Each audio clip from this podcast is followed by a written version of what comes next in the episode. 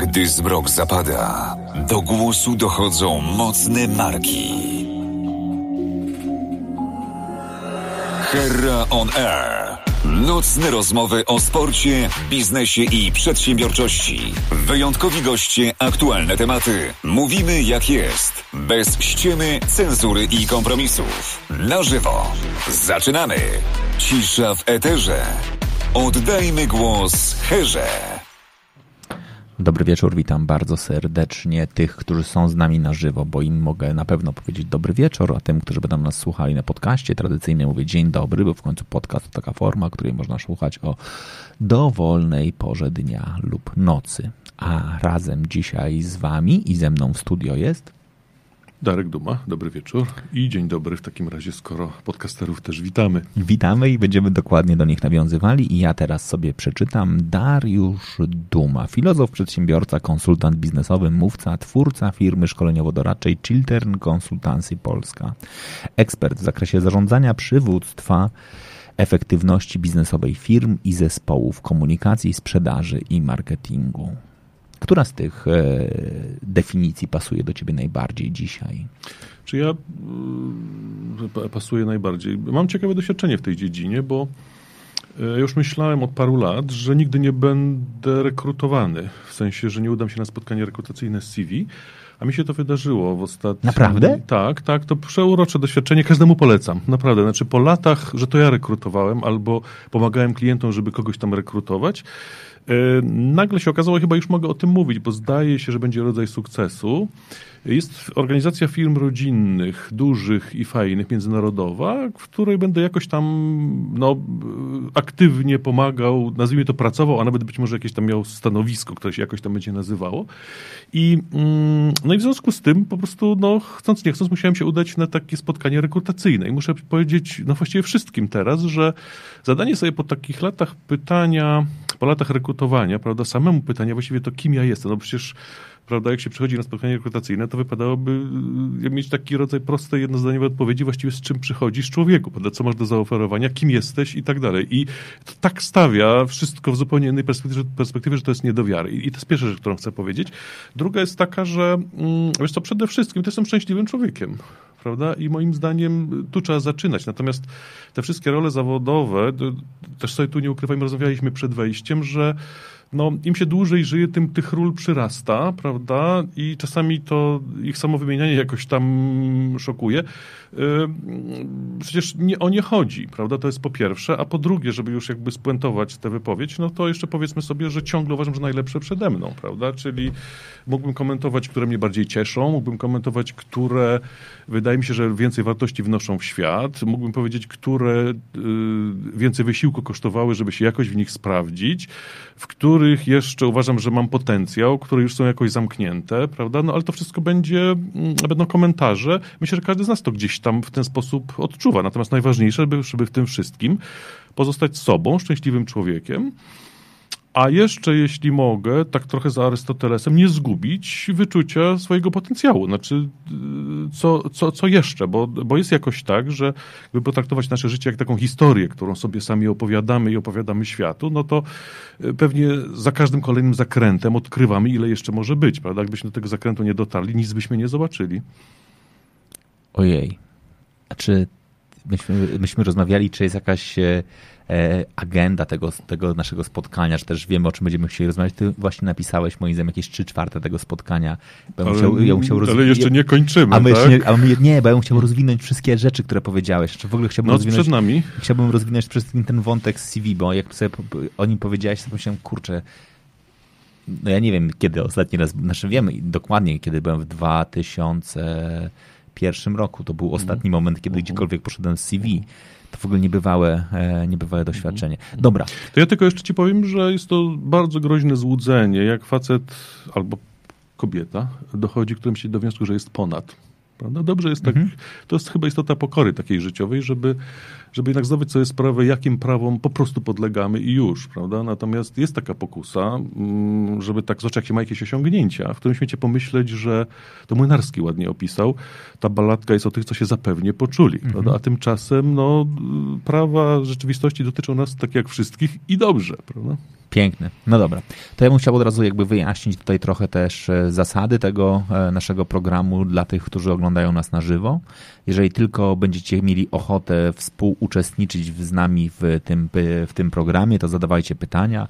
Jeżeli zadacie nam pytania, ta czerwona lampka tutaj ją odsłonię tutaj e, trochę bardziej się nam zaświeci. E, jeżeli ona się zaświeciła, to będzie znak, sygnał dla nas, że mamy to pytanie. Wtedy ja to pytanie czytam e, gościowi, czyli Dariuszowi. Dariusz odpowiada i jak odpowiada zgodnie z intencją, która Was satysfakcjonuje, lampka gaśnie i wtedy mamy taki dowód na to, że pytanie, a właściwie odpowiedź spełniła oczekiwania. Więc naprawdę zachęcam Was do tego, żeby ta lampka świeciła się jak najwięcej z dwóch powodów. Po pierwsze była droga, w związku z tym pamiętajmy, dajmy jej pożyć, a po drugie mam przekonanie, że odpowiedzi Dariusza będą tym lepsze, im lepsze będą pytania, a ja nie jestem Czy w stanie... dopóki świeci mam mówić mądrzej. Mówisz tak? mądrzej, tak, okay, tak. Mówisz mądrze, dopóki lampka świeci, jak, przez, jak, już, jak, jak już gaśnie, to już jest trochę tak, wiesz, trochę, że e, jest... Że już e, zrobione, tak? Jest, ty powiedziałeś, że będziesz w Międzynarodowej Organizacji Firm Rodzinnych. Tak. Ty w ogóle jesteś, ty jesteś zaangażowany, nie? Jakby w, w ogóle w firmy rodzinne. Bardzo, ponieważ one po pierwsze mają coś prawdziwego i to bardzo prawdziwego, znaczy, że naprawdę walczą. Po drugie, mm, no, jednak wyrastałem w świecie, w którym polska przedsiębiorczość się rodziła i ja też w nią wierzyłem i wierzę. Okay. I w związku z tym, e, no właściwie polskie firmy rodzinne wyrastają z z czasów y, i z ludzkich postaw, w których no właśnie przedsiębiorczość i możliwość odmienienia swojego losu nagle stała się naszym udziałem, prawda? I to gdzieś tam wybuchło.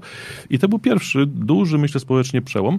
Potem przyszedł drugi, kiedy te firmy właśnie stworzone często, no właśnie, gdzieś tam na stadionie, gdzieś tam, prawda, jak to jeden z moich klientów piętą za stodołą pierwszą szklarnię sobie 40 lat temu narysował i, i dziś nagle ma tego 18 hektarów. I, mm, i potem y, wydarzył się sukces i okazało się, że ta firma zrodzona nad ludzkim wysiłkiem jednego człowieka lub dwóch wspólników lub czasem trzech, nagle może stać się firmą rodzinną i to będzie dodatkową wartością. Znaczy, że, że im zależy, żeby ich dzieci i dzieci ich dzieci kontynuowały to dziedzictwo, najprościej mówiąc, angażując się w niej, je rozwijając i żeby no, niekoniecznie pójść drogą pod tytułem, no to sprzedamy to jakiemuś funduszowi albo sprzedamy korporacji, tylko żeby kontynuować i, no i to z jednej strony jest duża i fajna rzecz, prawda? Zresztą zobaczmy notabene, że pojawia się druga bardzo polska wartość oprócz przedsiębiorczości, czyli rodzina, prawda? Mhm. E, no tylko, że to nastręcza mnóstwo problemów. Właściwie mógłbym tutaj no, znowu e, całą noc opowiadać anegdoty o tym, jak to ojciec by chciał przekazać ale nie gotów, no bo się nie godzi na oddanie kontroli, na, nie potrafi nie pracować, prawda? Choć całe życie marzył, że poświęca się po to, żeby nagle przestać pracować, prawda?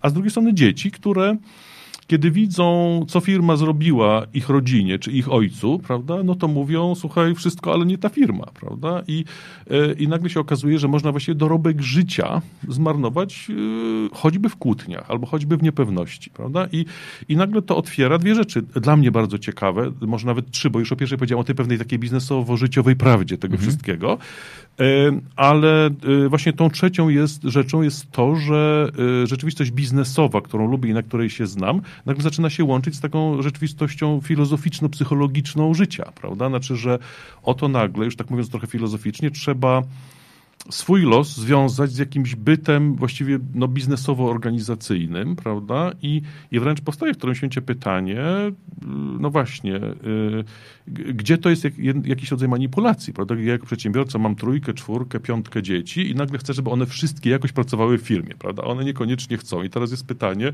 no, czy to jest kwestia motywacji, czy kwestia przekonania, czy jednak dać totalną wolność, a jednak ta firma jest jakąś wartością i tak dalej. I to, muszę powiedzieć, dla osoby o tożsamości no, jakość biznesmena, a jednocześnie filozofa i jakość psychologa, jest fascynujące zagadnienie, prawda? A muszę powiedzieć, że jak się na to spojrzy z perspektywy świata, bo w Polsce powiedzmy, że te firmy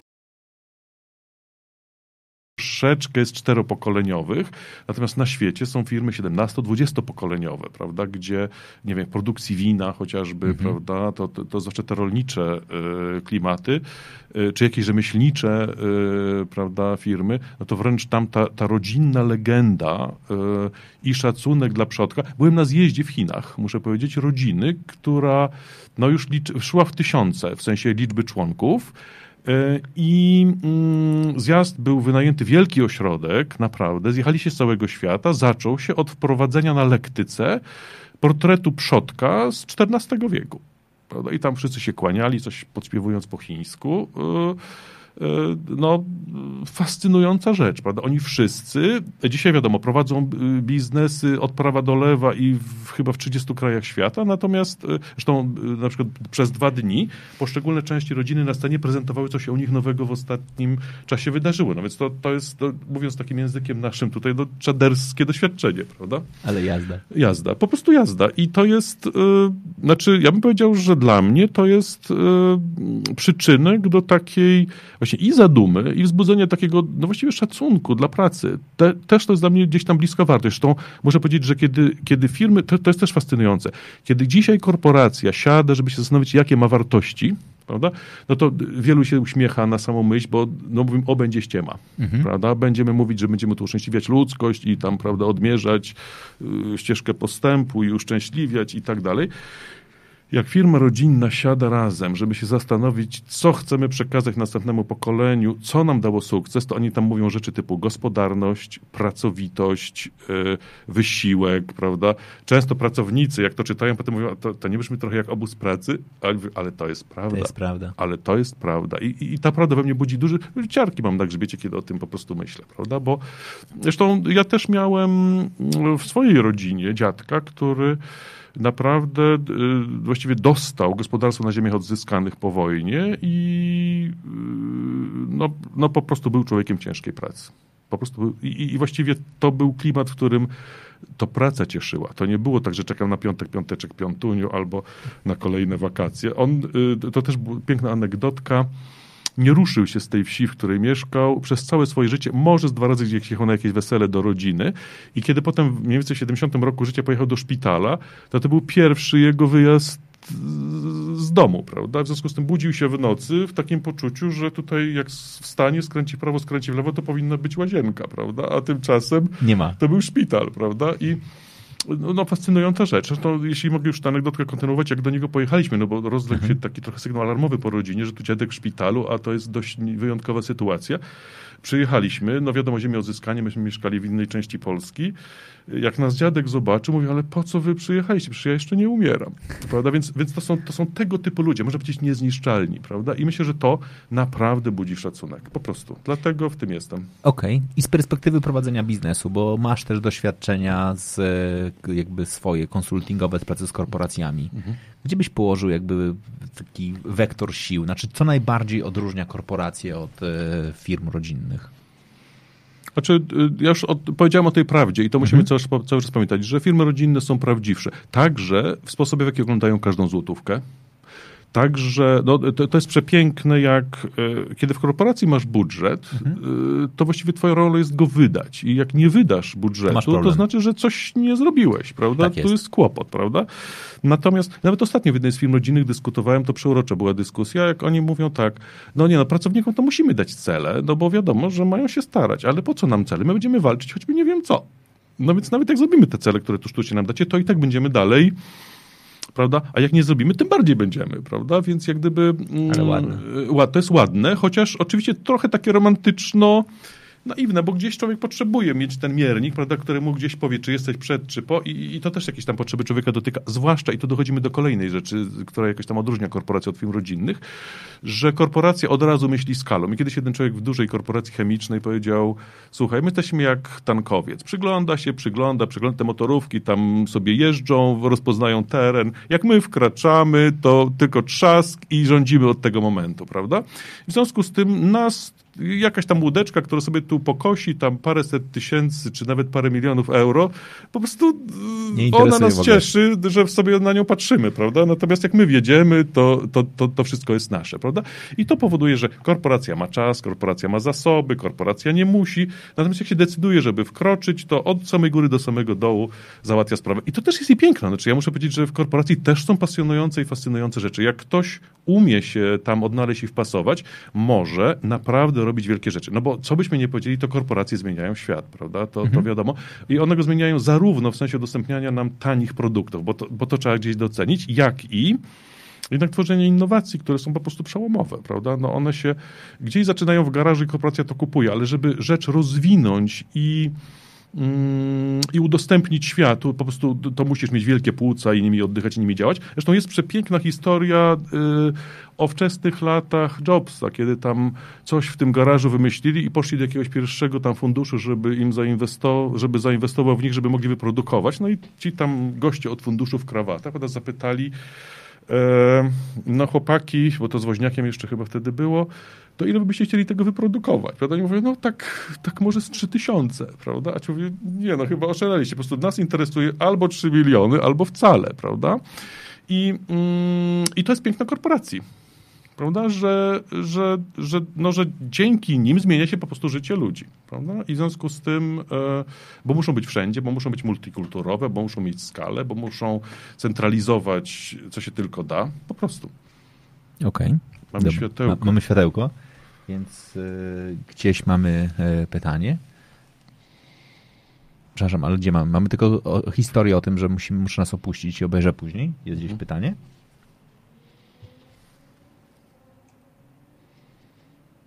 To jest kłopot, bo ja nie widzę pytania. Mhm. U mnie na prywatnym, dobra, to muszę jeszcze raz e, zamknąć i zobaczyć, bo gdzieś jest w pytanie. A, o, jest pytanie, dobrze. E, Marcin napisał, czy dziś ciężka praca wystarczy? Yy, nigdy nie wystarczyła. Ja bym powiedział, że ciężka i mądra. E, bo niestety ludzie, którzy szukają ciężkiej pracy dla ciężkiej pracy w oczywisty sposób e, trochę błądzą. A jeszcze jest chyba inny wymiar tego pytania, e, bo moim zdaniem jest kwestia, jak ma się ciężka praca do talentu. I tutaj, oj, to mam mnóstwo przeuroczych doświadczeń, bo są niestety ludzie zepsuci talentem czy zepsuci inteligencją i mają takie złudzenie, że nie potrzebują wtedy ciężkiej pracy. I niestety po drugiej stronie, nawet jeśli mamy może mniej utalentowanych, ale w związku z tym takich, którzy się od początku uczą, że jak nie popracują, to nie będzie, no i niestety muszę powiedzieć, że ci utalentowani w końcu padają i w końcu przegrywają. Więc jakby w tym sensie to powiedziałbym wprost, odpowiadając na to pytanie, że, e, że musi się połączyć ciężka praca z talentem prawda? I z talentem do tego, w czym, w jakim obszarze jest ta ciężka praca. Yy, tak, i to oznacza natychmiast bardzo ciekawe zadanie właściwie dla nas wszystkich, znaczy świadomy wysiłek, żeby rozpoznawać te swoje talenty, prawda? Bo mm, wydaje się, że no, niewielu z nas miało na tyle mądrych rodziców, żeby nam dali i wolność, i mądrość, żeby rozpoznać te swoje talenty. Następnie potem nie wszyscy sami mieliśmy taką mądrość, żeby w którymś momencie do nas dotarło, w czym mamy talent, prawda? Mhm. To ja muszę ci powiedzieć, że e, to jest niesamowite, jak,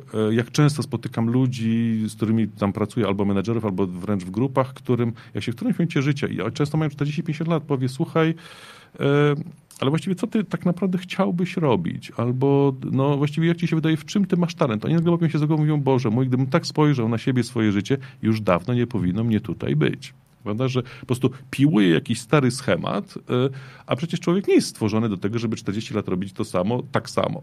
Prawda? Natomiast w nas jest y, to, jest, to jest bardzo ciekawa taka skłonność i potrzeba takiego pielęgnowania trochę schematu pod tytułem no, a teraz to już osiągnąłem stabilizację, a teraz to już będzie dobrze, a teraz to już niech tak będzie do końca, prawda? I dopiero jak się skonfrontuje, tak trochę przestawiając lustro na zasadzie, słuchaj, no dobrze, a gdyby tak miało być do końca i na zawsze, to co, to nagle, nie, nie, nie, no to kiedy jest czas, żeby coś zmienić? O kurczę, chyba teraz, prawda? Tylko to jest niestety no bardzo niewygodna prawda i bardzo niewygodny rodzaj myślenia. W związku z tym mm,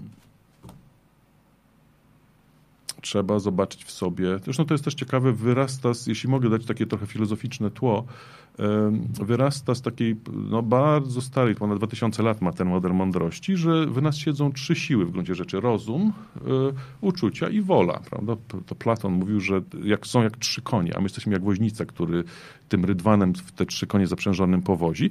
I cała sztuka właściwie mądrego czy harmonijnego życia polega na tym, żeby one, żeby nad nimi z grubsza panować i żeby w miarę ciągnęły w jedną stronę. Jak się tak na to spojrzy, no to, to wygląda, że po pierwsze trzeba myśleć, Prawda? A myśleć to znaczy nie tylko wykonywać czynność myślenia, tylko przyjmować jego owoce. Prawda? Jak coś mi się wydaje słabe, to niestety przyjąć to. Prawda? Jak coś mi się wydaje głupie, no to po prostu też to przyjąć, a nie yy, prawda, mam podejrzenie, że to może być słabe albo że to może być głupie, no ale zaczynam dokładnie w tym momencie kombinować, jakby tutaj to jakoś uratować czy uchronić. Prawda?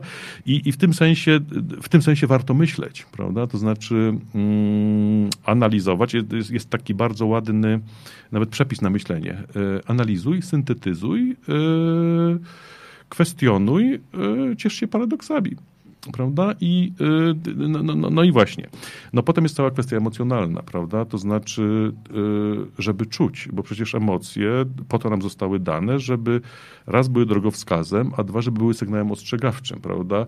Tam, tam idź, tam nie idź, prawda? I teraz jest kwestia, rozum mi coś podpowiada, no a te emocje gdzieś tam albo to popychają, albo nie, prawda? Y, no i wreszcie jest wola.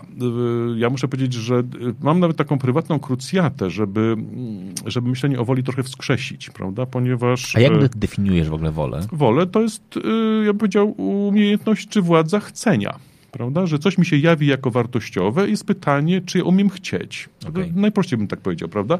Bo jeśli ja czegoś chcę, no to pojawia się pewna wola. Ja coś wybieram, podejmuję jakąś decyzję. Oczywiście dzisiaj przenosi się to na bardzo różne inne słowa. Determinacja. Determinacja. Jest, prawda? Że, że, że jeśli ja mam mocną, silną, konsekwentną wolę, to można powiedzieć, właśnie to jest determinacja, prawda? Więc to takim trochę współczesnym językiem. Natomiast niestety my sprytnie, i to jest cywilizacyjne, ponieważ nie umiemy i nie chcemy chcieć, no to mm, zresztą y, klasyka mówi, oni by wiele mogli mieć i no im się nie chce chcieć, prawda? To, to Wyspiański, więc to mamy też polską kulturę gdzieś napisane. Potem profesor Kępiński bardzo ciekawie z tego wywiódł definicję melancholii, że melancholia jest to choroba woli. Prawda? Człowiek, który nie umie chcieć, to, to on jest w wiecznej melancholii, prawda? Tak, może to, może tamto, a może jeszcze tamto. I teraz wyobraź sobie, to jest fajne bardzo, tak teraz mi się nasunęło, korporacyjna melancholia na czym polega, prawda? Od yy, kick-off meetingu do kick-off meetingu, prawda? I właściwie jesteśmy nakręceni. To nie jest już taka melancholia pełna smuty, jakaś taka moglista, tylko to jest taka melancholia nagrzana. I wtedy robimy sprytny trik, mianowicie, ponieważ boimy się słowa wola, bo ono by wymagało no, wysiłku z naszej strony, wolimy mówić moc. Mhm. I stąd jest to przeuroczek, co doprowadza mnie i do śmiechu, i do złości, jest moc. Prawda? Bo moc to jest takiego coś fajnego, co powinno przyjść z wysoka, prawda? a nie ma tego myślenia. Zresztą jest w tym jeszcze jedna bardzo ciekawa intuicja, że da się w ogóle dzieje ludzkości trochę tak podzielić, że była era rozumu i to było od powiedzmy przysłowiowego zera do mniej więcej 1900, prawda? Potem przyszedł Freud i nastąpiła era emocji, prawda? gdzie nagle zrozumieliśmy, że no, te emocje one są silniejsze niż nam się wydaje i one w bardzo wielu sytuacjach nami rządzą, choć to wcale nie znaczy, że skreślamy rozum. I myślę, że od paru nastu może lat mamy erę woli, bo się przestraszyliśmy i poczuliśmy, że jej potrzebujemy. I na przykład zobacz, że coaching, y, właściwie co robi w gruncie rzeczy coach? Ja mam do coachingu różne tam zastrzeżenia, opinie i tak dalej. Czasami nawet y, jakby protestuję, kiedy nazywają mnie coachem, ale coaching robi pewną rzecz genialną moim zdaniem dzisiejszemu światu. Mianowicie uparcie pyta, czego chcesz. Prawda? Nie wierzę wcale w to, że człowiek ma wszystkie zasoby, żeby sobie poradzić, bo czasami mu trzeba dostarczyć zasobów, ale na pewno ma obowiązek samego siebie pytać, czego ja chcę. Jak sam nie umie sobie tego pytania zadać i nie umie usłyszeć odpowiedzi, idzie do coacha i dobrze. Prawda? Gdyby coachowie konsekwentnie i do bólu to robili, w ogóle brawo, jak najbardziej. Jedźcie. Ale teraz mi tutaj wrzuciłeś kilka rzeczy, ja musiał do tego wrócić, ale jest pytanie, E, to ja mam takie pytanie, pisze e, Andrzej, słuchając o korporacji. Czy da się pogodzić filozofię z korporacją? E, filozofia charakteryzuje wolne myślenie i szerokie horyzonty myślenia. To nie jest domeną korporacji, zresztą oni kupują pomysły i energię, startupy, a nie dają przestrzeni na idee. Widziałeś, jakie jest skomplikowane pytanie? tak, i bardzo ładne i dające do myślenia. Dziękuję. Mm. W ogóle pojawia się słowo wolność w tym pytaniu. Prawda? I muszę powiedzieć, że warto, żeby każdy się w pewnym sensie zastanowił, co dla niego wolność znaczy i na ile w ogóle czuje się wolnym człowiekiem. Bo ja pamiętam, no, dla filozofa wolność to jest jeden z centralnych tematów. Wręcz się mówi, że to w gruncie rzeczy wolność stworzyła człowieka, prawda? Znaczy, że rodzimy się jako no, bobo, prawda? Mhm. I i niewiele mamy. Mamy opiekę rodziców, ale na pewno mamy wolność. Niektórzy mówią, właściwie dziecko to są czyste możliwości. Prawda? I potem każda decyzja rodziców czy nasza jakoś tę wolność kształtuje, determinuje, choć ciągle ją zachowujemy. I teraz w tym sensie wolność, są tysiące spojrzeń na wolność, ale jest to pewna gra w nas zawsze konieczności i wyborów prawda? I co powiedziawszy, no to idąc za intencją tego pytania, firmy rodzinnej też z tą wolnością bywa różnie, prawda? Badacze firm rodzinnych na przykład mówią, że kiedy rodzisz się w firmie rodzinnej, no to, to trzeba się wmyśleć w ogóle w położenie tych dzieciaków, które się tam rodzą. Bo właściwie one yy, od kiedy otworzyły oczy...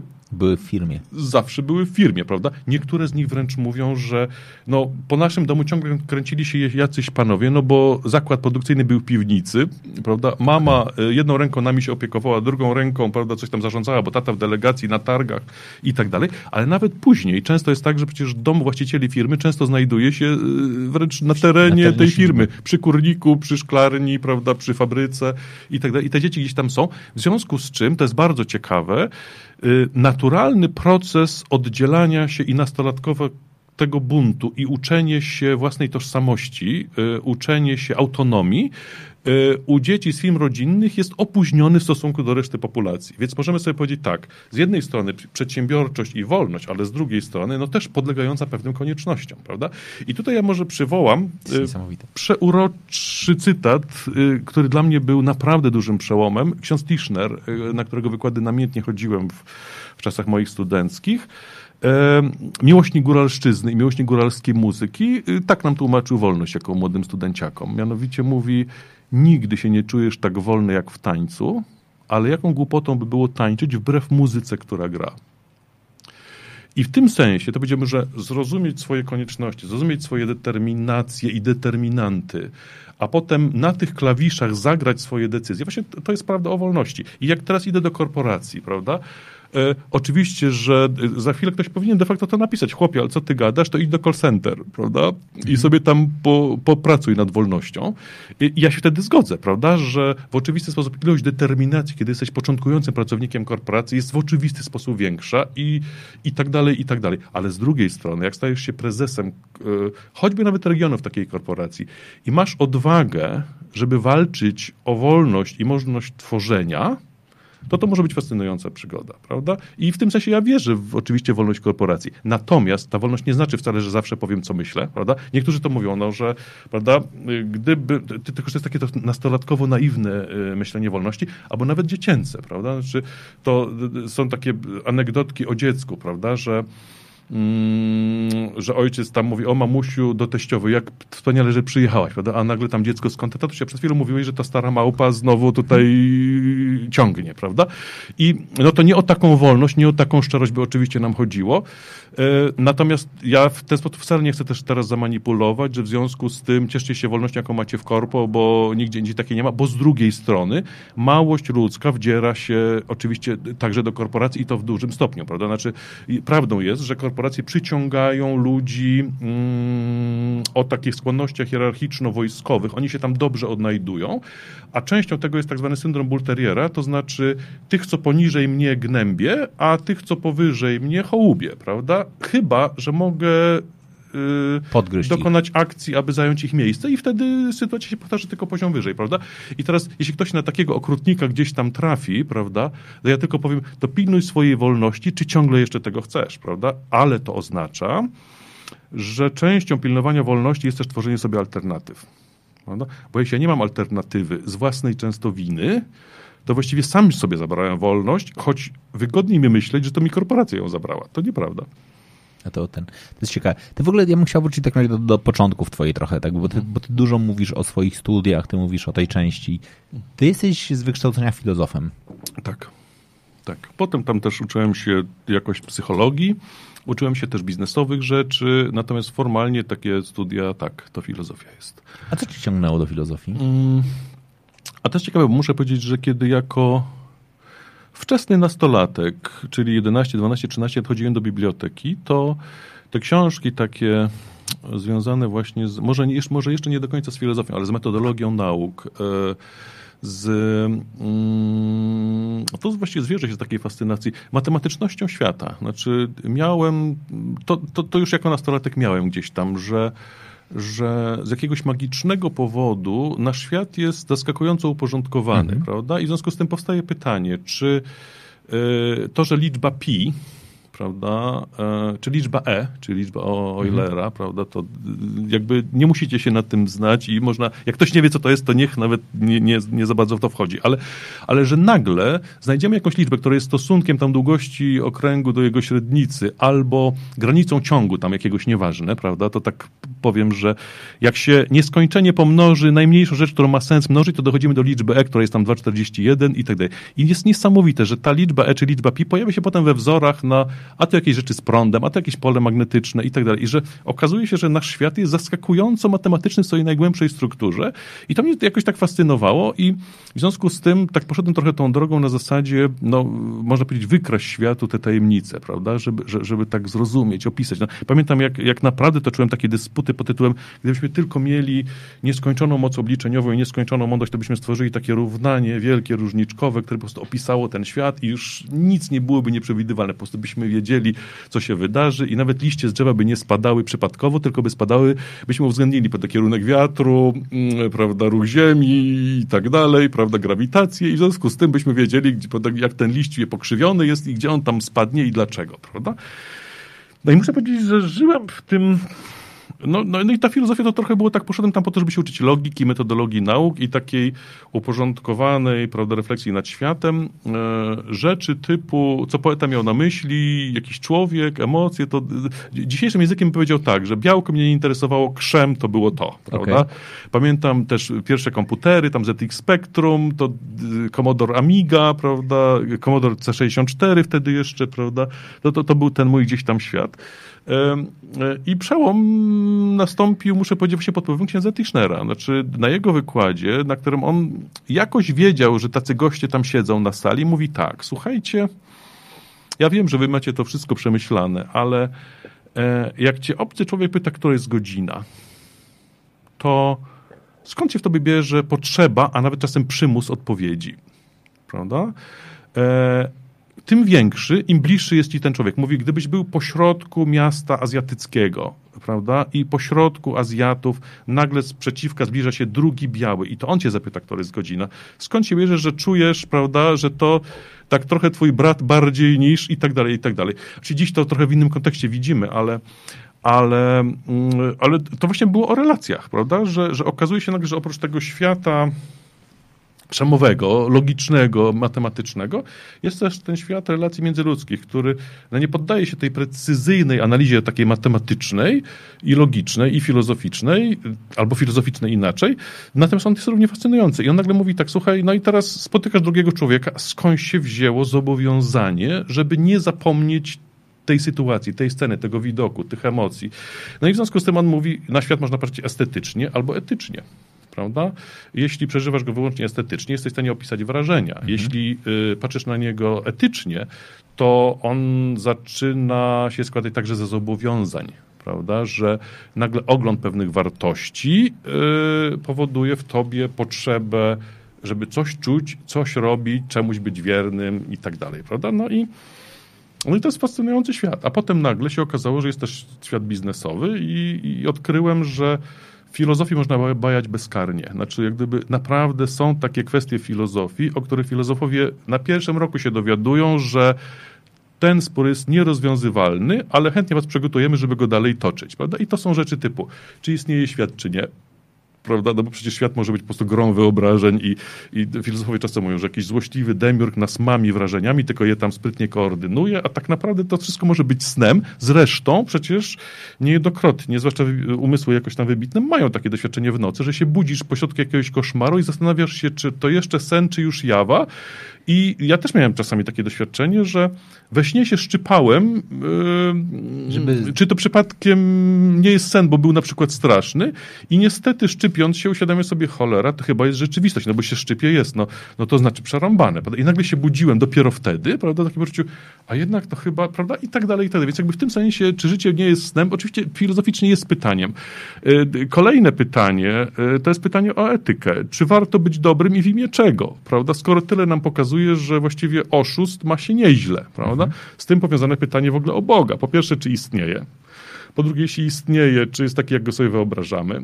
Y, a po trzecie, jeśli istnieje, jest taki, jak sobie wyobrażamy, czy się w ogóle wtrąca? Prawda? Bo przecież to może być tak, że jest jakąś energią i zestawem praw, które gdzieś tam spowodowały wielki wybuch, prawda? I no i to się potem toczy dzięki wolności, a nie wcale dzięki jakiemuś rodzajowi opatrzności. Zresztą to są też ciekawe pytania o wolność, prawda? Bo bo albo jestem wolny, wtedy ponoszę odpowiedzialność za swoje czyny, albo wszystko jest napisane gdzieś w jakiejś księdze przeznaczenia, w związku z czym właściwie mogę sobie powiedzieć i tak będzie, co będzie, prawda? Zresztą to jest przeurocze, jak dzisiaj bardzo wielu ludzi, nawet takich, którzy się deklarują jako niewierzący, yy, jednak mówią, że nic nie dzieje się bez przyczyny. Prawda? Czyli tak jakby wierzyli, że jakiś rodzaj e, losu, przeznaczenia, fatum, mojry, nieważne jakby to tam nazwać, no, y, steruje tym wszystkim, a nawet jest takie przeurocze, ja bym powiedział chyba jednak złudzenie, że tam gdzieś ktoś nami się opiekuje, w związku z czym nie pozwoli nas skrzywdzić. Prawda? To jest no, przemiłe, tylko obawiam się, że fakty temu tak trochę przeczą, prawda? No i to jest tak, tak filozoficznie patrząc. Znam przedsiębiorców, to jest przeurocze, którzy to, to jest tak, ma głębokie korzenie żydowskie to myślenie, że e, jak Bóg cię lubi, to ci pomaga w biznesie. Prawda? Pomaga mieć dużo dzieci i dużo pieniędzy. Prawda? I wręcz znam przedsiębiorców, którzy mają kapliczkę w domu, prawda? żeby tak to w jakiś sposób połączyć. Prawda? Mhm. Bardzo ciekawe rzeczy.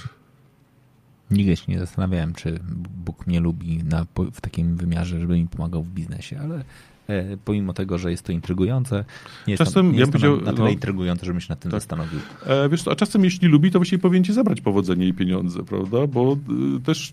Żeby mnie zmotywować. Y, albo nauczyć czegoś lepszego niż, że tak powiem, rodzaj gnuśności spowodowanej nadmiarem sukcesów i pieniędzy. Mhm. Czyli prawda? mógłby takim być, on mógłby tak sobie przyjść, powiedzieć, kto się lubi, ten się czubi, to teraz ci zabieram. Tak, albo Wojciech, nie umiesz mieć pieniędzy, od dzisiaj nie będzie ci szło. Prawda? Albo pokaż, że umiesz mieć pieniądze, to ci dołożę. Chochlik taki no, trochę. No, no dobrze. No, no, no, to, no to taka miła niedzielno-wieczorna zabawa, prawda? Bo zdaje się, że w gruncie rzeczy, zresztą to jest takie słynne zdanie, które jest przepisywane Ignacemu Loyoli, bo jezuici byli trochę, oni niby walczyli z, z reformacją, ale w gruncie rzeczy... Yy, wydaje się, że mieli dużo takiego no, yy, właśnie protestanckiego w tym wszystkim myślenia, że no módl się tak jakby wszystko zależało od Boga, ale pracuj tak jakby wszystko zależało od, od ciebie. ciebie, prawda? I, I, to myślę, że gdzieś trochę katolicyzm od, od protestantyzmu w jakiś sposób odróżnia, prawda? Że że my mamy w kulturze, to już nawet powiedziałbym, nawet abstrahując od tej sfery religijnej, mm, więcej takiego myślenia typu, prawda, no właśnie, Bóg dał dzieci, da na dzieci. Mhm. Prawda? A tymczasem protestanckie myślenie, które też widzimy w Ameryce, bo oni czasem mówią God bless America, mhm. ale mówią to przy robocie, a nie zamiast roboty. A nie zamiast roboty. Tak. Okej, okay. mamy kolejne pytanie. Andrzej dalej zadaje. To jeszcze jedno pytanie, bo strasznie ciekawa rozmowa się toczy. To o tobie. Czy jest możliwe, no, czy jest możliwe, by filozofowie e, nadawali ton w rozmowach o społeczeństwie, tak jak to drzewie bywałe, ładne określenie. E, obecnie mhm. dzisiaj o porządku świata to chyba dyskutują ci, co mają siłę, politycy czy mhm. biznesmeni, mhm. czy filozofowie wyjdą z cienia. A to jest ładne. Tak. E, znaczy ja bym powiedział tak, e, bardzo bym chciał, Niestety jestem za uczciwy, żeby ten zamiar do końca przeprowadzać, ponieważ w historii ludzkości żadna próba stworzenia rządu lub wizji państwa zbudowanej na filozofach, mędrcach czy naukowcach nie wyszła dobrze. Znaczy, raczej to są słynne wielkie utopie, mhm. niż y, jakieś takie projekty, które by miały początek i koniec. I to jest jakby pierwsza część odpowiedzi. A druga to może być anegdotka y, o tym, jak y, Lucyfer oprowadzał wycieczkę po piekle. No i tam pokazuje poszczególne sekcje, prawda, tu smoła, tu ognie, tu włócznie, tu prawda, tam przemielanie i tak dalej, wyrywanie członków. i nagle dochodzą do polanki, w której owszem pali się ognisko, ale wyłącznie, żeby nie za zimno było, prawda? Ptaszki ćwierkają, w ogóle jacyś ludzie przy tym ogniu gdzieś tam sobie siedzą, coś tam podjadają. No i ten człowiek, tam ta wycieczka w ogóle cała, taka trochę zadziwiona, prawda? Mm, no słuchaj, no myśmy mieli to wrażenie, że to tak cierpienie, zżytanie zębów i beznadzieja, a tymczasem tutaj właściwie macie taki rodzaj wczasów. Znaczy, a nie, nie, to jest Departament Intelektualistów. Oni tutaj mają karę, bo radzą, jak poprawić życie w piekle. Prawda? I jest coś takiego. Ja czasami złośliwie mówię, że umiejętność czytania Homera w oryginale bardzo przeszkadza w zarabianiu pieniędzy, ponieważ e, przekleństwem intelektualisty jest, że zawsze ma wątpliwości. Mhm. Prawda?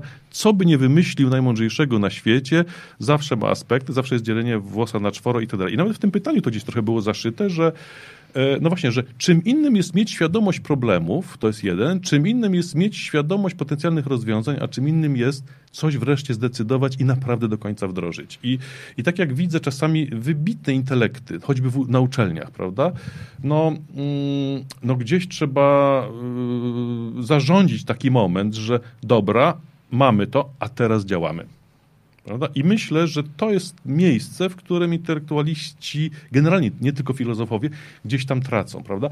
Czyli prawdopodobnie idąc tu tropem zasugerowanym przez nasze, naszego pytającego, trzeba jakiś taki rodzaj filozofii praktycznej gdzieś prowadzić i to może być mądrość prawda? I mhm. wtedy nie uczyć tego na uniwersytecie, tylko, tylko gdzieś pomiędzy domem a szkołą, prawda? Czyli, Czyli na za, zacząć taką trochę promocję po prostu mądrego życia, prawda? Które się składa i z myślenia, i z odczuwania, i z chcenia, bo to już powiedziałem, mhm. ale potem po prostu z wdrażania, prawda? No i teraz y, teoretycznie mogliby to robić specy od zarządzania, prawda? Bo co im przeszkodziłoby być mądrymi? Natomiast no, jest też gorzki paradoks, że no ja y, prowadząc te moje studia MBA i post-MBA też to widzę, że wszędzie na świecie mm, no z jakiegoś powodu y, wydziały zarządzania są bardzo słabo zarządzane, prawda? Znaczy, y, ale szef bez butów chodzi? Dokładnie czy... tak, okay. trochę tak, ale dwa, naprawdę znowu wracamy do, do tej zasady, o której już powiedziałem, że ktoś, kto cyzeluje ideę, mhm. gubi z oczu zmienianie świata prawda? Skutecznie zmieniają świat ci, co szukają idei, która jest good enough, a potem kręci ich zobaczenie efektów, prawda? Otóż to niestety dla człowieka ukształtowanego tak jakby na intelektualistę, no to jego kręci, żeby coś ładnie nazwać, dobrze uporządkować, znaleźć klucz i tak dalej, i tak dalej, i tak dalej. Ja jestem podejrzliwy i nie lubię czasami tak pochopnie cytować wielkich, ale, mm, ale znawcy Jobsa prawdziwego, a nie ikonki Jobsa, mówili, że właściwie pod pewnym względem on był genialnym dyletantem. Znaczy, znał się na wszystkim po trochu, aby wiedzieć, co do niego mówią i wiedzieć, co ma im kazać robić prawda? Natomiast y, jakbym się próbował zanadto znać na wszystkim do końca, to już bym nic nie zrobił. Czyli jest jeszcze dla mnie nadzieja. E, Robert napisał nam tutaj taki komentarz, który jest chyba jednym z najładniejszych e, komplementów, jaki do tej pory dostałem w tej audycji. Włączyłem na głos mamie i spytała, czy to Radio Maryja. Uuu, brawo. Widziałeś? Widziałeś? A y, jest pewna rzecz, y, czasem słucham Radia Maryja, przyznam się, y, ponieważ jest dobrym przykładem marketingu społecznego i warto czasami tam pewne rzeczy podglądać, nawet jak się nie do końca ze wszystkim zgadzamy na poziomie etycznym. To jest jedna rzecz, którą chciałem powiedzieć. A druga jest Y, urocza rzecz, która nas łączy z Radiem Maryjem. Znaczy, jak się idzie normalnych mediów, to masz trzy minuty, musisz wszystko powiedzieć. A tutaj można sobie gadać ile się chce. Czasami światełko e, stresuje, ale właściwie e, po prostu nie ma limitów czasowych. To jest naprawdę wielki luksus i ja już tu chcę przychodzić. A ja to, to ja cię będę bardzo chętnie, e, serdecznie i regularnie e, zapraszał. Ja bym chciał w takim razie, już wyjaśniłeś mi swoją przygodę z filozofią, która jest w ogóle jakby absolutnym, e, mega fajnym fundamentem twojej pracy. Kiedy trafiłeś do biznesu w takim razie? Bardzo szybko i z konieczności. Też mam anegdotkę w tej sprawie. Dawaj. Mm, wynajmowałem pokój w Krakowie i a ty w ogóle jesteś z Krakowa, czy nie, nie, nie, tam studiowałeś? Nie, nie, nie. Ja w ogóle mam kłopot z odpowiedzią na pytanie, skąd jestem, bo moi dziadkowie pochodzili wszyscy ze wszystkich innych stron, poznali się na robotach w Niemczech, Austrii i część osiadła na ziemiach odzyskanych, a część była w Galicji, czyli Sandomierz, czyli Tarnobrzeg, Sandomierz mhm. i te okolice. No i potem się jakoś tak na jakimś weselu rodzinnym ojciec z mamą gdzieś tam poznali. Ona najpiękniejsza we wsi, on, e, nie, źle, odwrotnie. Ona córka najbogatszego gospodarza we wsi, on najprzystojniejszy kawaler ze swojej okay. wsi, choć biedny. No i potem, prawda, tam oczywiście nastąpiła idylla i z tego się urodził synek potem jeszcze moje dwie siostry. Natomiast, e, natomiast e, zaraz, bo umknęło mi pytanie. Ja, ja, mm, A, do, biznesu. do biznesu, tak, tak, tak, tak. No w każdym razie, że mm, w którymś momencie panie, które wynajmowały mi pokój, jakoś tak, e, no najprościej mówiąc, jakąś tam awanturkę mi zrobiły o coś, prawda, co pogwałciło moją wolność i stwierdziłem, no nie, no po prostu no muszę pójść do pracy, żeby jednak wynająć sobie niezależne mieszkanie. Miałem takie marzenie, żeby nie zamykając drzwi łazienki, położyć się w wannie, czytać gazetę, wystawiając tej wanny nogi. I to było moje takie naprawdę, miałem to zwizualizowane. To, to, to była twoja definicja tak, sukcesu? Tak, tak. Nawet tak, teraz sobie pomyślałem, zrobię sobie to dzisiaj wieczorem, żeby tak, żeby tak powtórkę, sobie przypomnieć, przypomnieć sobie, prawda? Że, że w końcu się udało. Tak stwierdziłem, idę do pracy. Po prostu koniec, prawda? A akurat to były czasy, kiedy się polski kapitalizm zaczynał, mm, w związku z czym e, taki tam studiujący filozofię mógł sobie pójść do pracy jako, to się nazywało y, akwizytor albo pracownik działu handlowego. I pamiętam, jak albo mogłem pójść do firmy sprzedającej lotnie, albo do firmy sprzedającej sprzęt medyczny. Stanęło na tym sprzęcie medycznym i i tylko wtedy ja poszedłem tam naprawdę z konieczności. Znaczy, ja tutaj e, student filozofii, zakochany w wolności, prawda, już ten Tischner odkryty, prawda, e, i tak dalej, liczy się mądrość, prawda, a tu nagle muszę sprzedawać e, środek na zabijanie roztoczy kurzu domowego, aparaty słuchowe i tam jakieś, no, no niby to medycyna i to było godziwe, no ale jednak to ciągle po prostu była mamona, sprzedaż, zyski i tak dalej. Jeszcze miałem takie frustrujące poczucie, że jak to jest, że ja w trzy dni zarabiam na swoją pensję, a pozostałe dni zabiera prezes. Co on robi z tą masą pieniędzy, które ja zarabiam? Przecież po prostu powinien mi dać podwyżkę, no bo ja tuczę tych wszystkich darmozjadów, którzy nic w tej firmie nie zarabiają i naprawdę, no, jak dzisiaj tam powiedział, byłem marksizujący, prawda? Że no. po prostu odbierać bogatym, dawać biednym, czyli mi, prawda? Natomiast, natomiast i pamiętam też to, przyznam się, nie wiem, mam nadzieję, że prezes nie słucha, ale... Yy, było tak, że miałem w biurku otwartą szufladę, a w niej książkę filozoficzną i po prostu ilekroć nikt nie patrzył, to sobie tę książkę tam przy otwartej szufladzie czytałem. Jak ktoś chodził do pokoju, to brzuchem przyciskałem tę książkę i tam pisałem coś dalej. I tak przez parę miesięcy to trwało. Natomiast nagle odkryłem, pamiętam potem w jednym z wywiadów powiedziałem, że, yy, że yy, odkryłem, że jakby mam dwie zazdrosne żony. Ta filozofia, którą ciągle lubię, prawda? I ona ciągle pociąga, a po drugiej stronie ten biznes, który, który ma coś fajnego, mianowicie tak jak w filozofii trzeba mieć hipotezę, mhm. prawda? Bo, bo, bo, musisz mieć jakąś hipotezę w biznesie, żeby coś osiągnąć, prawda? Musisz mieć jakieś domniemanie, że ta metoda zadziała. Tylko jest pewna urocza rzecz, która odróżnia biznes od filozofii, mianowicie, że w biznesie z końca miesiąca czy kwartału dowiesz się, czy miałeś rację, prawda? Natomiast w filozofii już o tym mówiliśmy, że tak, okay. można tak bajać bezkarnie, prawda? I w którym świecie odkryłem, że, że kręci mnie to sprawdzanie, prawda? Kręci mnie ta skuteczność prawda? w związku z tym myślę, że ułożyłem się tak z życiem, że sobie tak dla hobby gdzieś tam filozofuję, a, yy, a że jednak ten yy, mieć założenie, sprawdzać i tak dalej, i tak że to cieszy tak bardzo, że jest warte, żeby temu oddać życie. No i w tym świecie, a jeszcze do tego doszła jedna rzecz. Mianowicie, no, yy, filozofowie jednak, przynajmniej zwłaszcza wtedy, no teraz może się trochę zmieniło, ale jednak, no, równa się, szukasz mądrości, biedny jesteś, prawda? A jednak jest tak, że ja nauczyłem się na pieniądze nie obrażać. Znaczy, te wszystkie drobne rzeczy, które można za pieniądze mieć, w którymś momencie tak, e, no, można powiedzieć tak, tamtymi oczyma to bym powiedział, drobno mieszczaniejesz, chłopie. Ale z drugiej strony, jak mogę sobie kupić pralkę, już nie musiałem jeździć do mamy z ciuchami do prania, prawda, no to no to właściwie miłe, prawda? Jak można sobie kupić każdą książkę, którą się chce, znowu miłe, prawda? Jak można jechać w każde miejsce, w które się chce, no to właściwie, właściwie to jest wolność, prawda? Więc yy, myślę, że yy, tak to odkrywałem wtedy, prawda? I jest jeszcze jedna ciekawa rzecz wokół biznesu i filozofii, że ja potem tę filozofię, jak tak sobie ułożyłem, to przez lata ją trochę chowałem. Znaczy, bo my wszyscy jednak y, społecznie mamy takie mm, złe stereotypy o filozofii. Znaczy, mhm. jak ktoś tam miał gdzieś jakiś wykład z filozofii na studiach, no to nagle był to gdzieś tam nudziarz, i pokazywał te grube książki, pełne wyrazów. Ja dziś czasami też otworzę jakąś tam książkę filozoficzną. Naprawdę da się to wykpić na zasadzie, otwierasz w dowolnym miejscu, czytasz dwa zdania i nie wiesz, o czym to jest. Prawda? Naprawdę tak jest. To w tym sensie czasem też złośliwie mówię, że nikt tak nie zaszkodził filozofii jak filozofowie, filozofowie ale jednocześnie nikt tak nie zaszkodził finansom jak finansiści. Mhm. Nikt tak nie zaszkodził właściwie kościołowi jak duchowni. Prawda? Nikt tak nie szkodzi być może radiu jak radiowcy i, mhm. i tak dalej, i tak dalej. Więc jakby w tym sensie to nawet nic dziwnego. Natomiast, jak mówię, chowałem tę filozofię trochę, żeby się nie kojarzyć z nudziarzem, bo jednak w biznesie jest kult y, szybko, atrakcyjnie, y, zrobię dla ciebie robotę, prawda? Natomiast muszę powiedzieć, że ostatnie lata, dwa, trzy, może pięć, przenoszą nagle bardzo rosnącą potrzebę filozofowania i nagle widzę, że świat mi właściwie mówi, Darek, filozofo i my właśnie tego chcemy. Prawda? Zresztą muszę powiedzieć, że już zdarzyło mi się parę razy, że ktoś mówi, słuchaj, my chcemy spotkanie z tobą, ale ani słowa o biznesie. O biznesie. Po prostu opowiedz nam o sensie, opowiedz nam o wartościach, ale nie od strony, jakie to wymyślić wartości, żeby nas zmanipulować do działania, tylko co my naprawdę chcemy, kim my rzeczywiście jesteśmy, o co w tym chodzi, co to jest przemijanie, co to jest czas. Mam też duży epizod w psychoonkologii, bo nagle się okazuje, że medycyna odkrywa, że że leczenie się staje skuteczniejsze, jak chory z grubsza odkryje jakiś rodzaj sensu, sensu.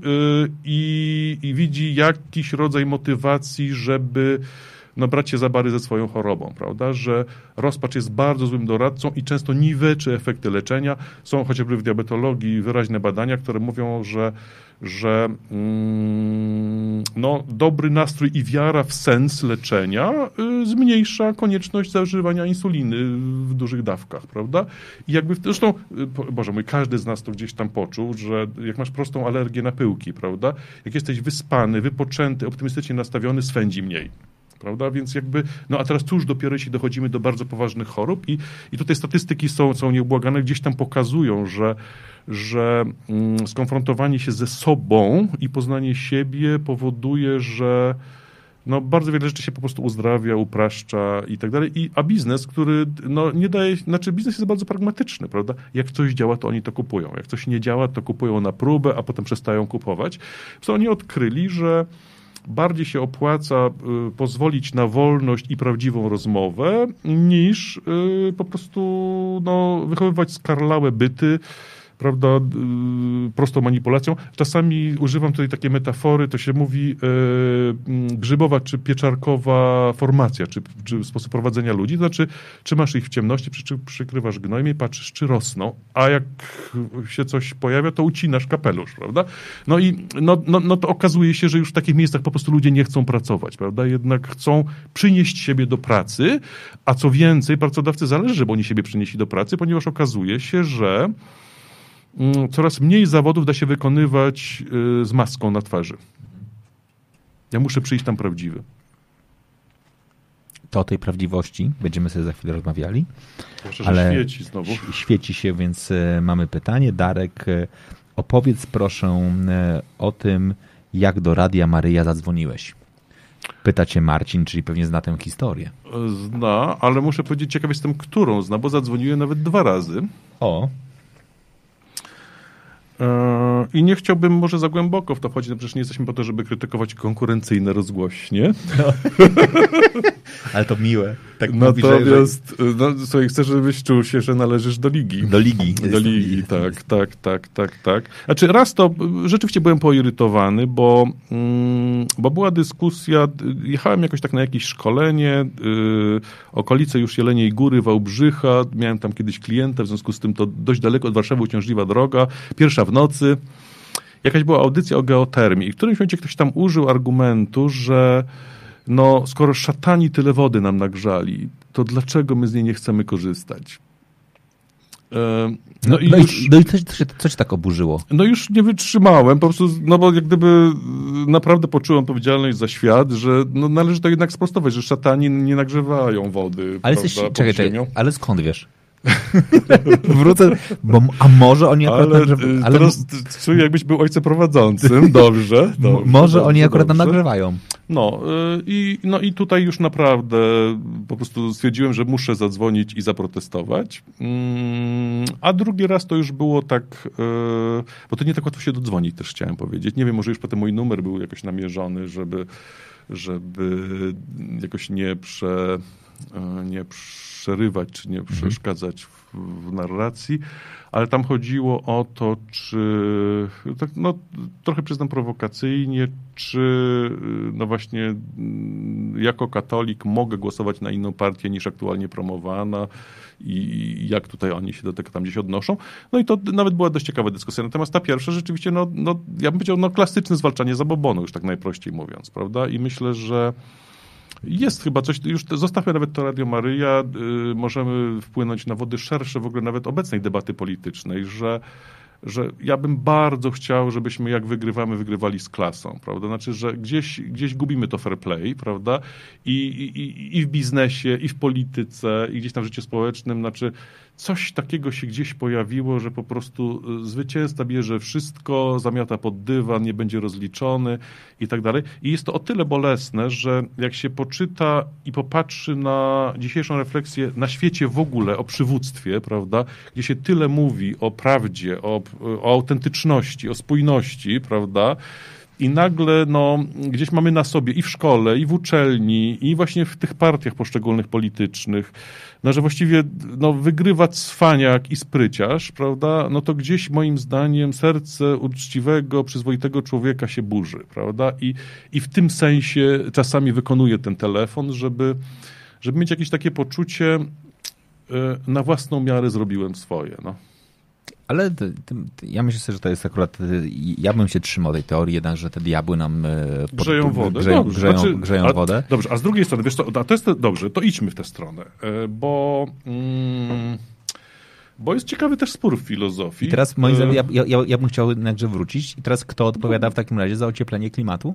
No też szatani. Czyli grzesznicy, którzy ich napędzają, czyli po prostu... Jak, znaczy... A może być, bo grzesznik ma od razu czerwoną twarz no. i gorąco mu się robi. No, widziałeś? Może być, może być. Tak, widziałeś? Tak, czyli tak, po prostu tak, generalnie tak, teraz tak, jakby tak, całe, wszystkie zmiany klimatyczne są spowodowane po prostu rosnącą ilość grzechu. Może być. Mm, natomiast zresztą też dlatego jest taki dowcip o tym, jak to e, Bóg ze świętym Piotrem robili inspekcję moralności na ziemi. W związku z tym w wizjer sobie zamontowali taką szybkę, która na czerwono kropeczką pokazywała, gdzie ktoś ktoś grzeszy, prawda? No i tam było typ święty Piotrze, a co to za tutaj taka kropka? A to, prawda, tam o, ktoś coś kradnie z kurnika, tam komuś kurę. A no tak, a tutaj taka większa czerwona kropka, a to tam ksiądz gosposią coś tam ma nieczyste myśli, prawda? A ta czerwona łuna to co? A tu ciechocinek.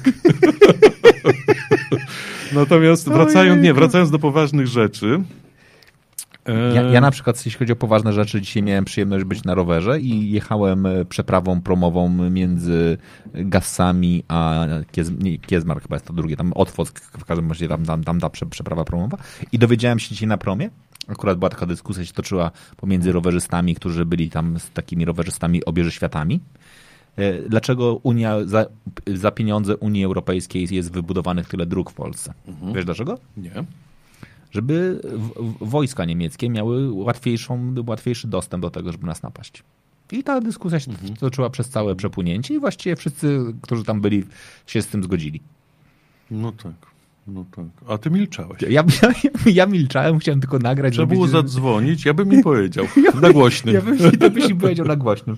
No, nie, ale ja jednak chcę tutaj coś powiedzieć. Ale, oni, ale oni zwiedzili dużą część Polski, więc oni myślę, że już te, te, te mieli przemyślane tę, tę teorię. Może już na niejednym promie na, sobie na, nie, na, na niejednym promie i to w ogóle było no. nieprawdopodobne, bo oni to mówili z, taki, oni to mówili naprawdę z taką pewnością, no. że jak ja bym powiedział, że się z tym nie zgadzam, to oni by na mnie spojrzeli z wyrzutem, ale to pan nie wie? Mhm.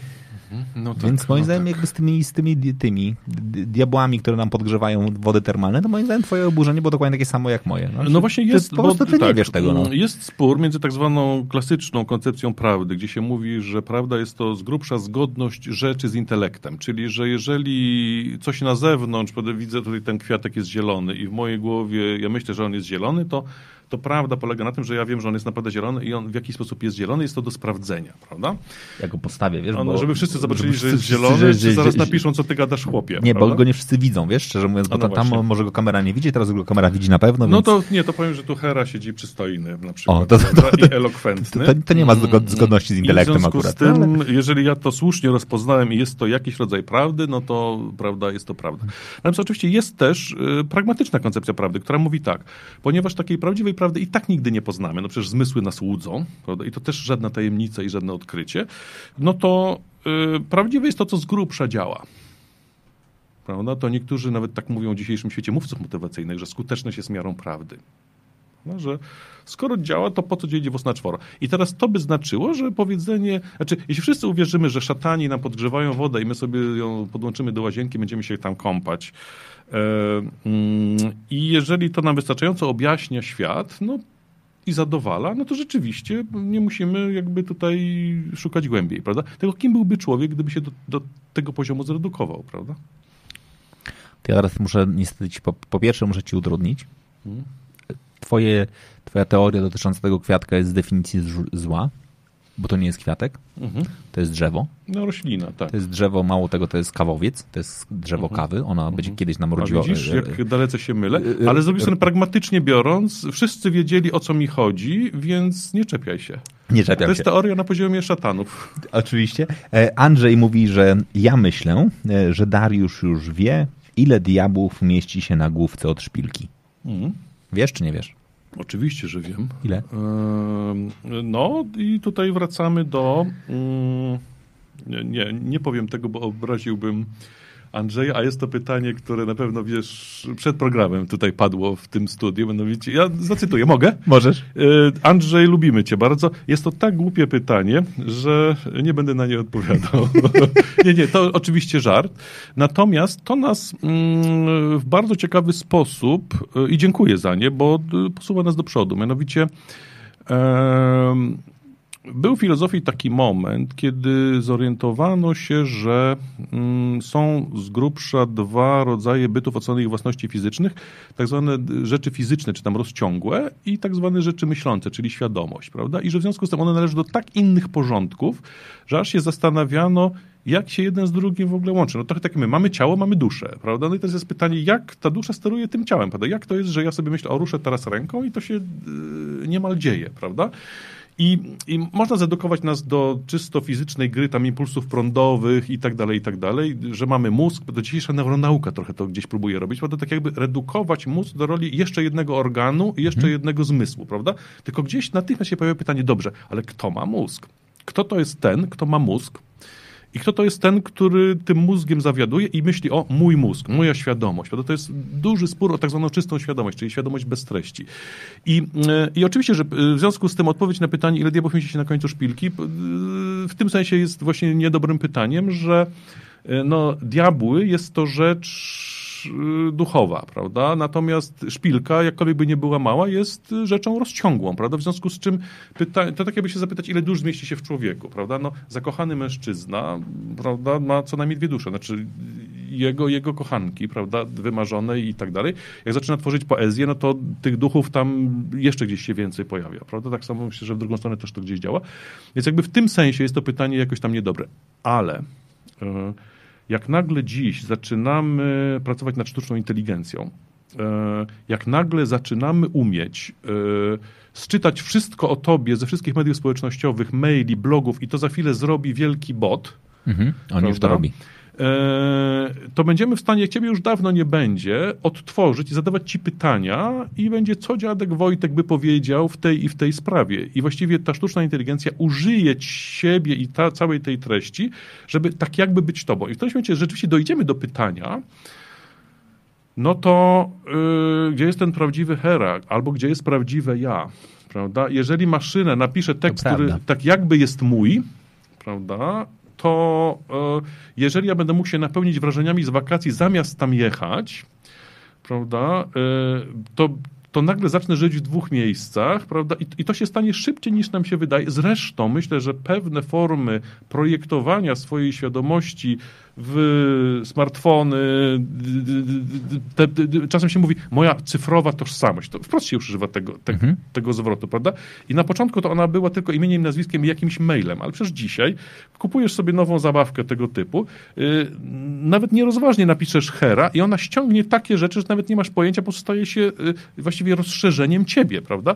I teraz yy, mówiło się przez lata, że czasem przedsiębiorca prywatny firmę traktuje jak rozszerzenie swojego ego. A dzisiaj my wszyscy, to jest rozszerzenie naszego ego, prawda? I w tym sensie czasami się trudno połapać, albo inaczej trudno zintegrować swoją świadomość. I mam takie wrażenie, że czasem próbujemy wszystkie nasze diabły albo wszystkie nasze anioły na tę główkę szpilki y, ściągnąć, żeby się zapytać, kim jestem, gdzie jestem, no po prostu pozbierać się, prawda? I, i no, w tym sensie w XXI wieku y, wracamy do dylematów, które średniowiecze wprost roztrząsało, może w cokolwiek zabawnej formie. I w tym sensie, Andrzej, brawo za pytanie. Niesamowite. I to jest pewnie pytanie, do którego ja powiedziałem, że bym chciał wrócić. Ja bym chciał wrócić do autentyczności. E, bo ty często mhm. użyłeś w tej, e, w swojej wypowiedzi do tej pory autentyczność, jakby mówisz o autentyczności. Co, czym w ogóle dzisiaj według ciebie jest autentyczność? No dla mnie mm, no nie ugryziemy tematu rzeczywiście bez prawdy. Prawda? To znaczy, i to bez tego klasycznego myślenia, bo, bo gdzieś jest pytanie, czy jest odpowiedź na pytanie, yy, kim ja jestem, mhm. prawda? I ona y, oczywiście nie jest odpowiedzią w znaczeniu, y, sobie zaraz opowiemy, prawda? Tylko y, ja bym może tu sięgnął do historii kolejnego filozofa bardzo zresztą ciekawego, bo Boecjusza z VI wieku. E, I to jest nie do wiary, że takie rzeczy się w VI wieku już działy. Mianowicie, mm, no człowiek był tam niesłusznie skazany i torturowany, a bardzo utalentowany.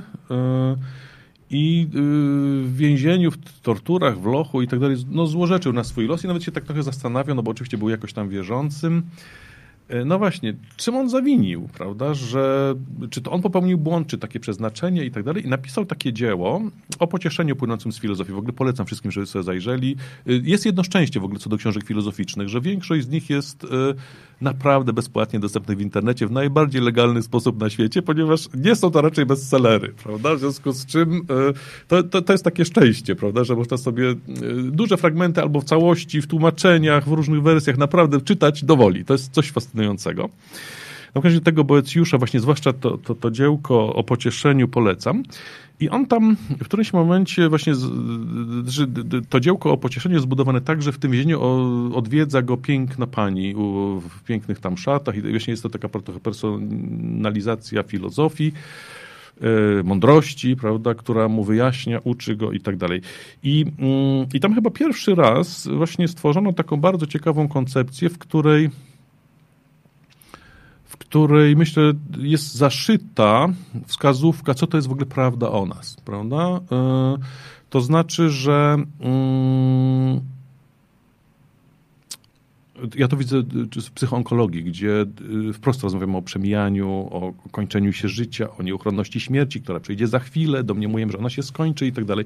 Trochę już zaczęliśmy o tym mówić w którymś świecie, że Bobo się rodzi i ma wszystko przed sobą.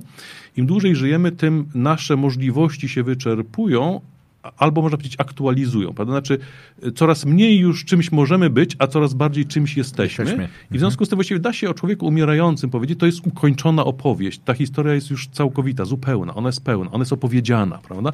To już się, to już się nie za wiele może wydarzyć i i w tym sensie to jest bliskie prawdzie o nas, prawda? że ta prawda się o nas w jakiś sposób domknęła. I teraz jak wracam do pytania, to co to jest autentyczność człowieka? Znaczy, że, że on y, y, widzi z jednej strony perspektywę, że gdzieś będzie jakaś całość zamknięta urodzinami a śmiercią, właśnie ta opowiedziana historia, ale że jestem gdzieś pomiędzy tymi dwoma punktami, prawda? Innymi słowy, coś już mam za sobą i wiem z grubsza, co to jest, i coś domniemuję przed sobą, godzę się na niepewność tego, ale jednocześnie umiem skorzystać z zasobów przeszłości, aby w jakiś sposób y, no, nazwijmy to, stworzyć, zadecydować, wykorzystać swoją wolność, aby do końca opowiedzieć swoją historię, prawda?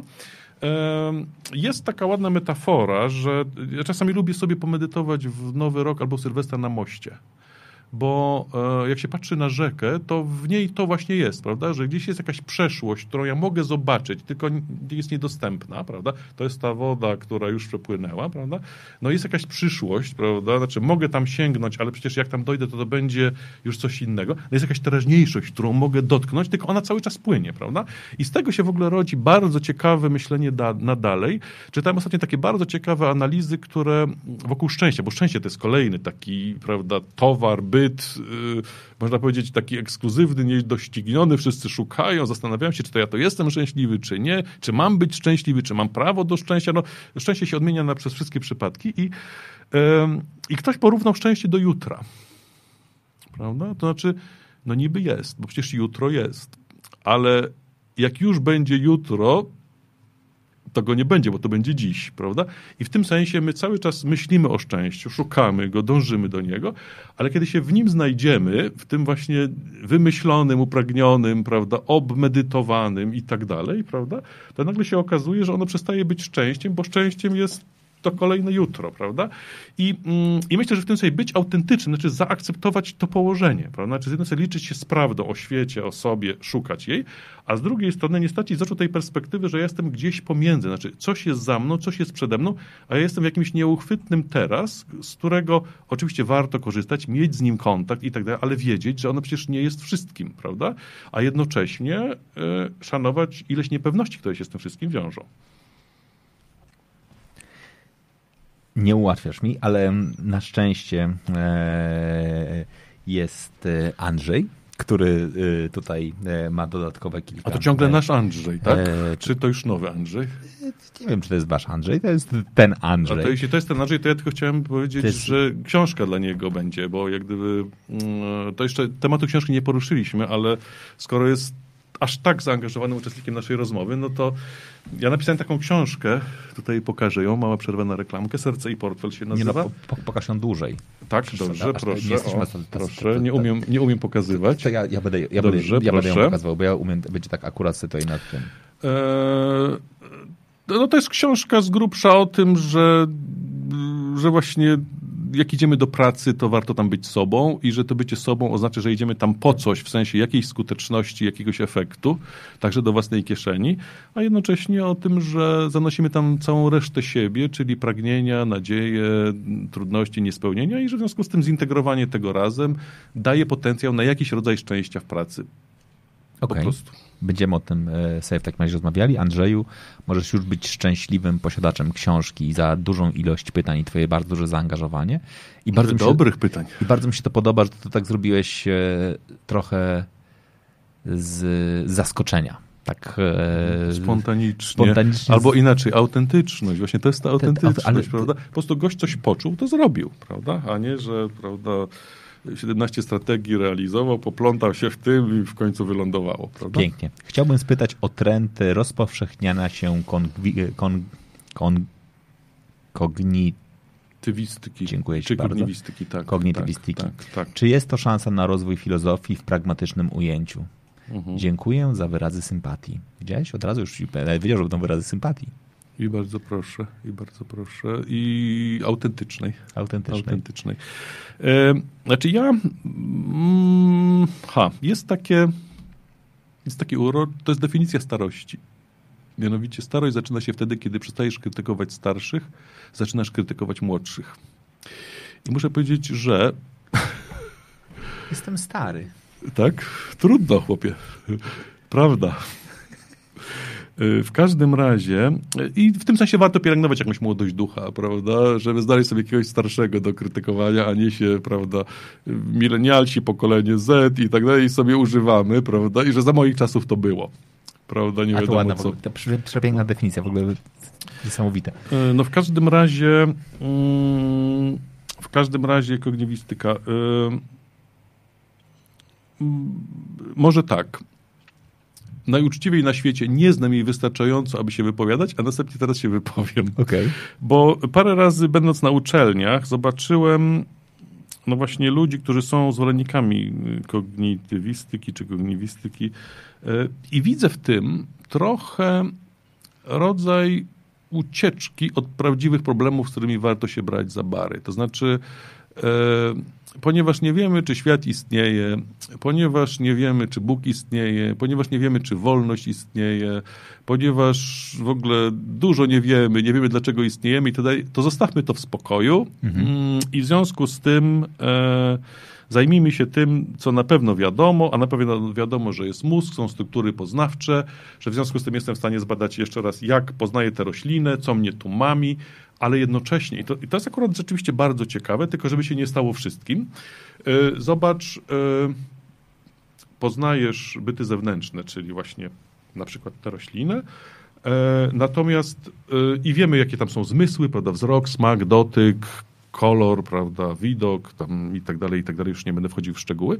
Natomiast e, w związku z tym jest pytanie, no dobrze, a jak poznaję do środka, introspekcja, to to jest percepcja, a teraz jest pytanie o introspekcję. Jak się percepuje stany wewnętrzne, prawda? Kiedy ja na przykład mówię, boli mnie, no, mamy coś takiego, że mówimy, nie no, w sprawie koloru zielonego może mi coś mamić, ale jak ja mówię, boli mnie, no to nie ma co z tym dyskutować, bo po prostu jest to pewne, że mnie boli. Otóż okazuje się, że, że dzisiejsza filozofia, albo ja bym powiedział taki rodzaj zlepku filozofii, psychologii i trochę medycyny też, i trochę biologii, właściwie y, swoje ostrze ciekawości właśnie skierowała w tę stronę. No, jak, jaka jest najgłębsza struktura poznania. E, e, mm, czyli innymi słowy, jeżeli ja mówię kocham cię, prawda, to po czym ja to poznaję?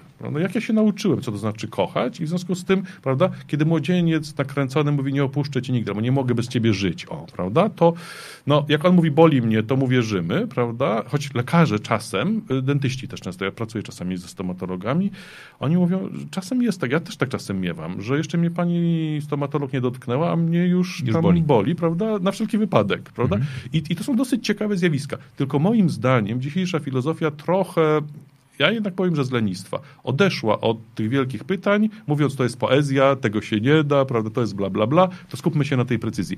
Jest jeszcze jeden ciekawy tam kierunek, wszystko się wiąże z językiem, prawda, ponieważ też jest pytanie, czy jak my poznajemy świat, to czy możemy go poznać jakby niezależnie od słów, których używamy. Prawda? No bo, y, bo, bo trochę jest tak, to zresztą, y, żebyśmy wrócili na biznesowo-pragmatyczny świat, zobacz, Eskimosi, skoro żyją w żywiole śniegu, to mają tam dziesiątki słów na określenie śniegu, ponieważ dla nich ma znaczenie odróżnianie różnych rodzajów śniegu. Prawda? I teraz, jak się z tą samą y, z tą samą prawidłowością przeniesiemy na na przykład na pojęcia biznesowe, okazuje się, że no, anglosasi mają na słowo cel nasze proste słowo cel mają e, aim, objective, target, goal, purpose. Przynajmniej pięć, prawda? A my właściwie mamy cel. Po prostu cel. Kolejny z moich takich e, bardzo ulubionych przykładów to jest yy, uroczy zwrot nie chce mi się. Otóż mhm. jest nie do przetłumaczenia na angielski. Strona bierna od chcenia. To wracamy też do woli, prawda? Otóż, yy, no powiedz po angielsku nie chce mi się. Trzeba bardzo na okrętkę próbować rzeźbić, y, żeby jakoś opisać ten stan, że mi się nie chce.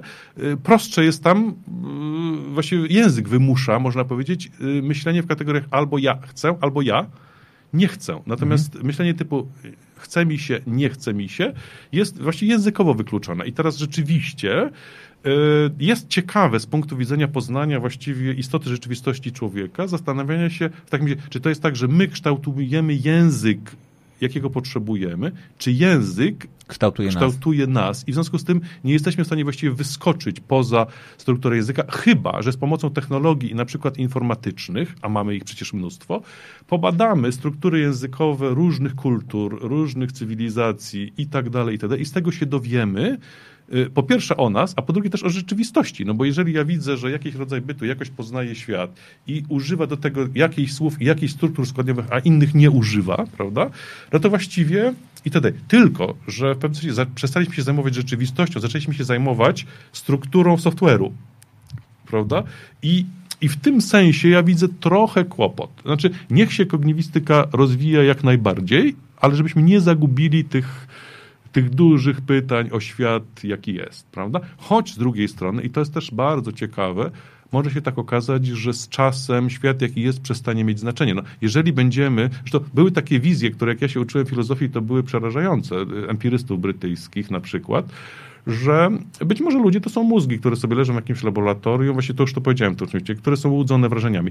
Może być tak, że właśnie rzeczywistość za 20, 30, 40 lat właśnie będzie tak wyglądała, prawda? Że sobie e, w którymś momencie zdecydujesz się na to, żeby się oddzielić od ciała i przedłużyć życie w nieskończoność w jakimś komputerowym matrixo laboratorium, prawda, w którym ci będą dostarczali wrażenia, podpiszesz na to umowę i to będzie taka, taka seksmisja, tylko że... Bez ciała. Technologiczna, prawda, że, że bez ciała. A przecież, no wszyscy doskonale wiemy, że mnóstwo wrażeń właściwie albo można sprowokować ciałem, albo można sprowokować impulsami elektrycznymi czy elektronicznymi, prawda? Niektórzy żartobliwie mówią, że to się wszystko zacznie, jak się człowiek zarazi wirusem od komputera. Prawda? A to się bardzo łatwo może stać, bo y, jak się obserwuje na przykład, jakie patenty kupuje Google, ja też w ogóle muszę powiedzieć, że poznałem uroczą rosyjską panią psycholog, która pracuje dla Google w projekcie mm, próby y, przełożenia emocji y, na składowe, tak jak wszystkie kolory w drukarce drukujemy trzema lub czterema rodzajami tuszu, prawda? No bo yy, i oni to wprost motywują. No ten robot, który będzie się tobą na starość opiekował, no to oprócz tego, że poda ci tam tabletki, wodę, wodę tabletki i mhm. tam co będziesz potrzebował, Dobrze, żeby poczuł, jakie ty masz emocje i dobrze, żeby umiał zakomunikować jakieś emocje, przecież masz, masz potrzeby empatii i tak dalej, i tak dalej. No i jest, zdaje się, jakaś taka hipoteza, że tam z ośmiu składowych emocji da się wszystkie ludzkie emocje w jakiś sposób odzorować. Jeśli tak będzie, jeśli znajdziemy jakiś rodzaj interfejsu, który nam przez jak jakąś elektrodę do mózgu załaduje takie rzeczy, prawda? No to właściwie naprawdę się okaże, że ciało jako póki co jedyne narzędzie naszej komunikacji ze światem. To jest, to jest przepiękne. To wracamy do tych diabłów na, na końcu szpilki. Nasz diabeł, żeby się kontaktował ze światem, potrzebuje ciała. Wygląda, że coraz mniej.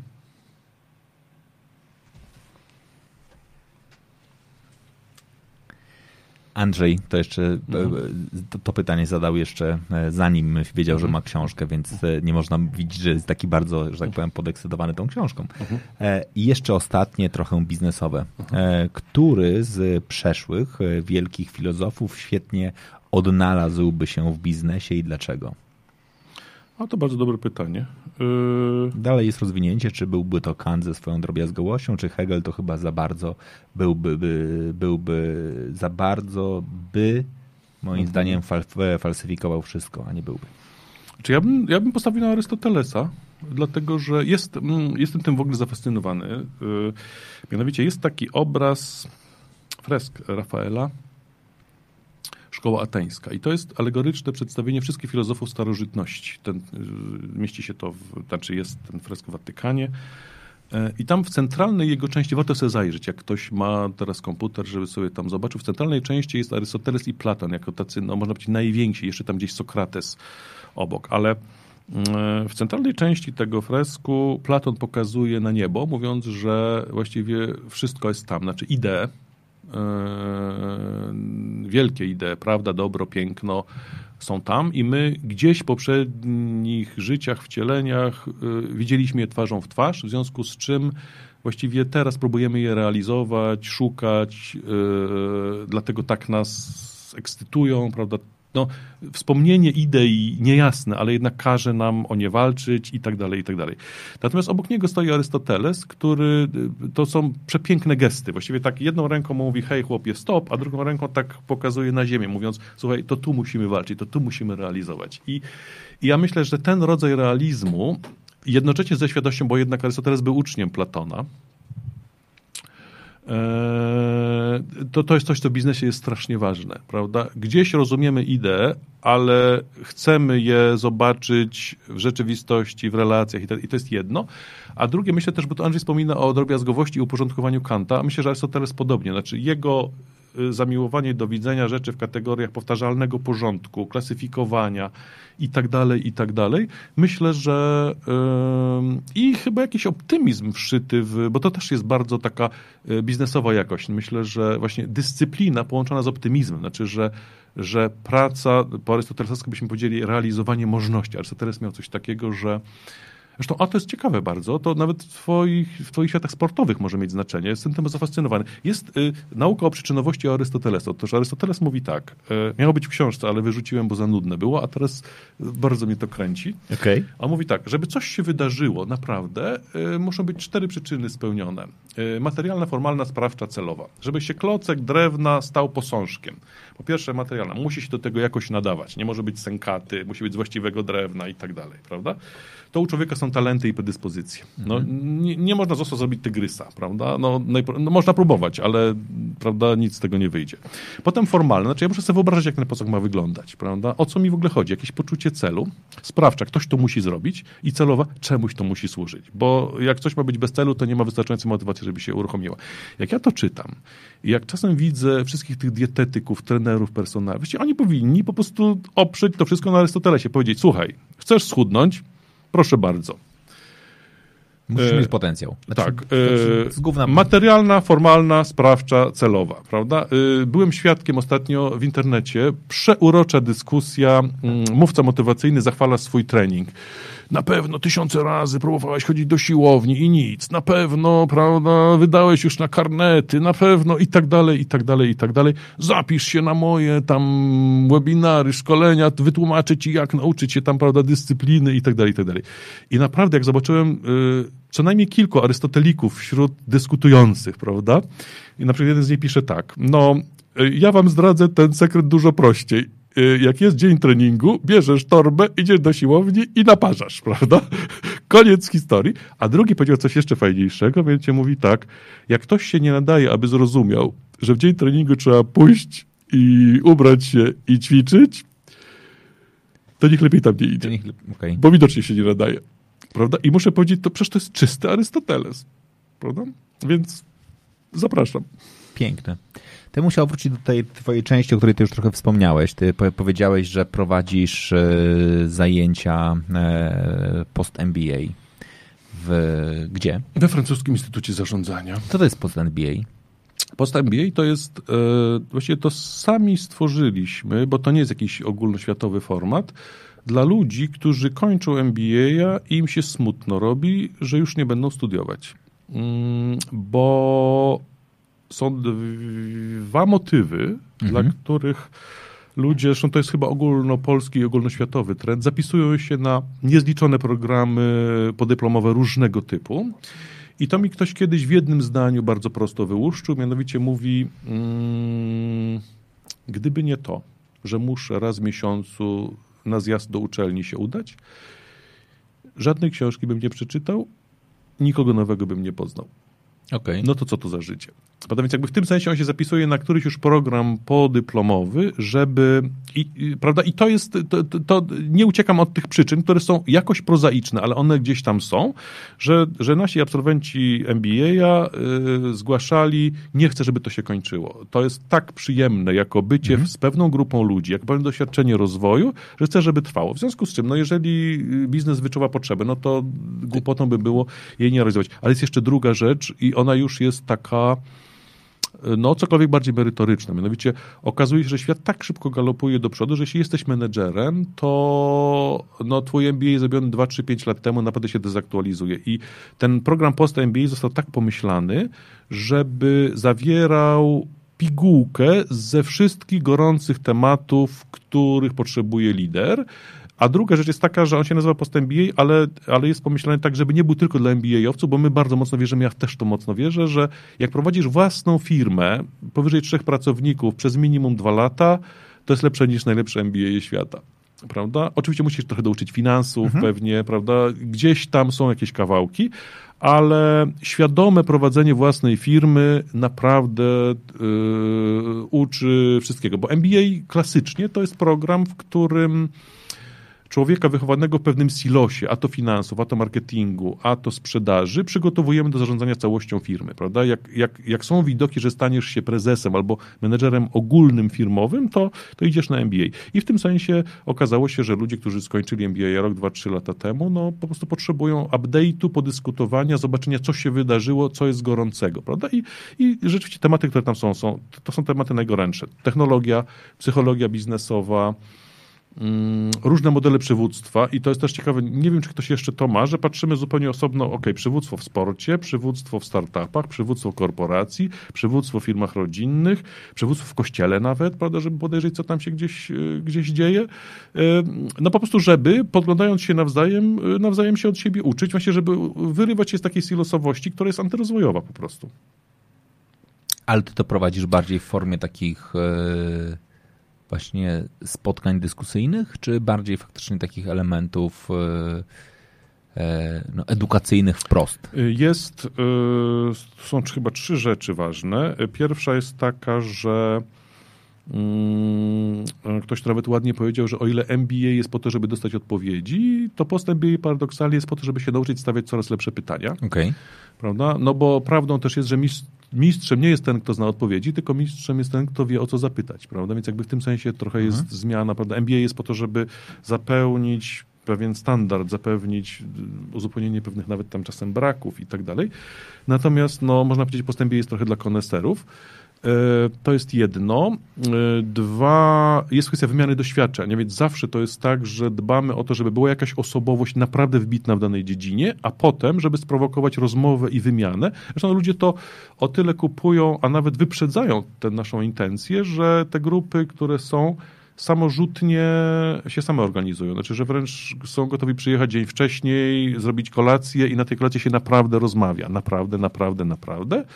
Oczywiście tam ze zmienną dynamiką w miarę tam rozwoju wieczoru, ale mm, jak to z inteligentnymi ludźmi bywa. Natomiast, mm, natomiast to, to jest jednak pasja poszukiwania i wymieniania doświadczeń, prawda? I w tym sensie i prowadzący jest do tego jakoś przygotowany, i uczestnicy też są dla siebie nawzajem wartościowi, no bo też umówmy się, zresztą to wracamy właściwie do korzeni filozofii, no bo przecież...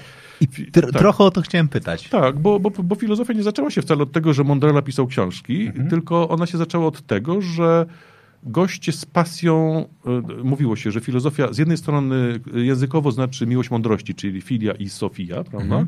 Ale z drugiej strony, że zrodziła się z ciekawości i zdziwienia. No, mówiło się, filozofem staje się wtedy, kiedy y, zaczynasz się dziwić i pytać dlaczego.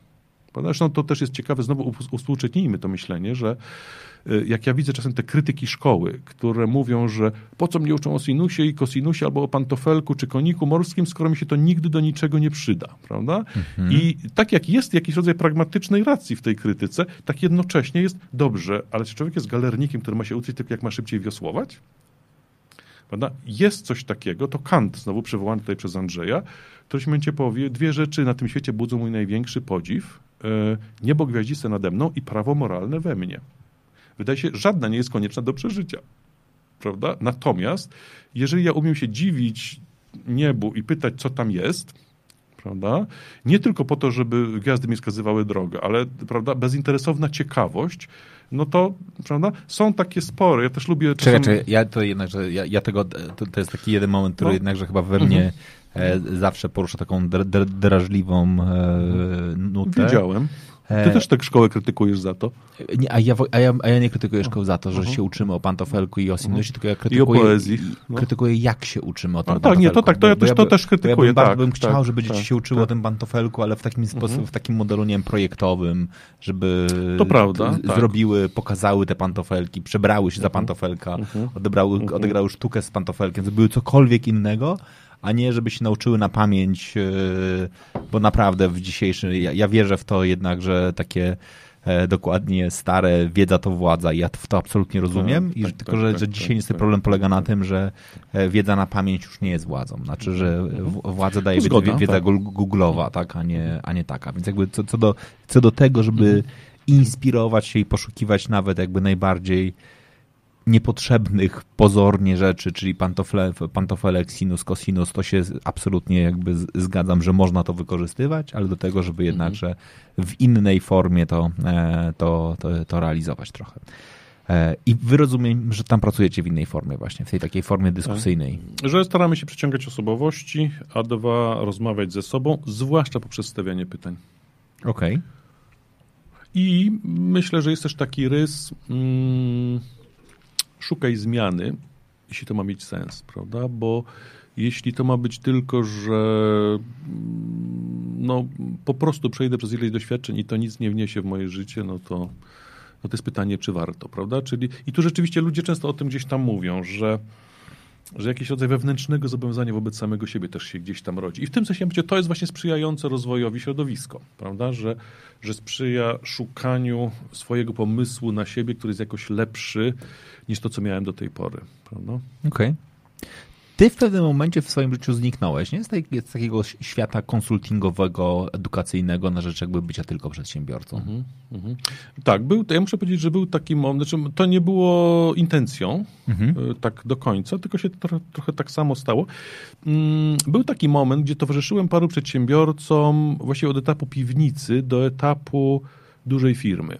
I yy, to jest o tyle fajne, że pamiętam, jak oni czasami mówili mi, słuchaj, nie mamy pieniędzy, zaproś nas na obiad.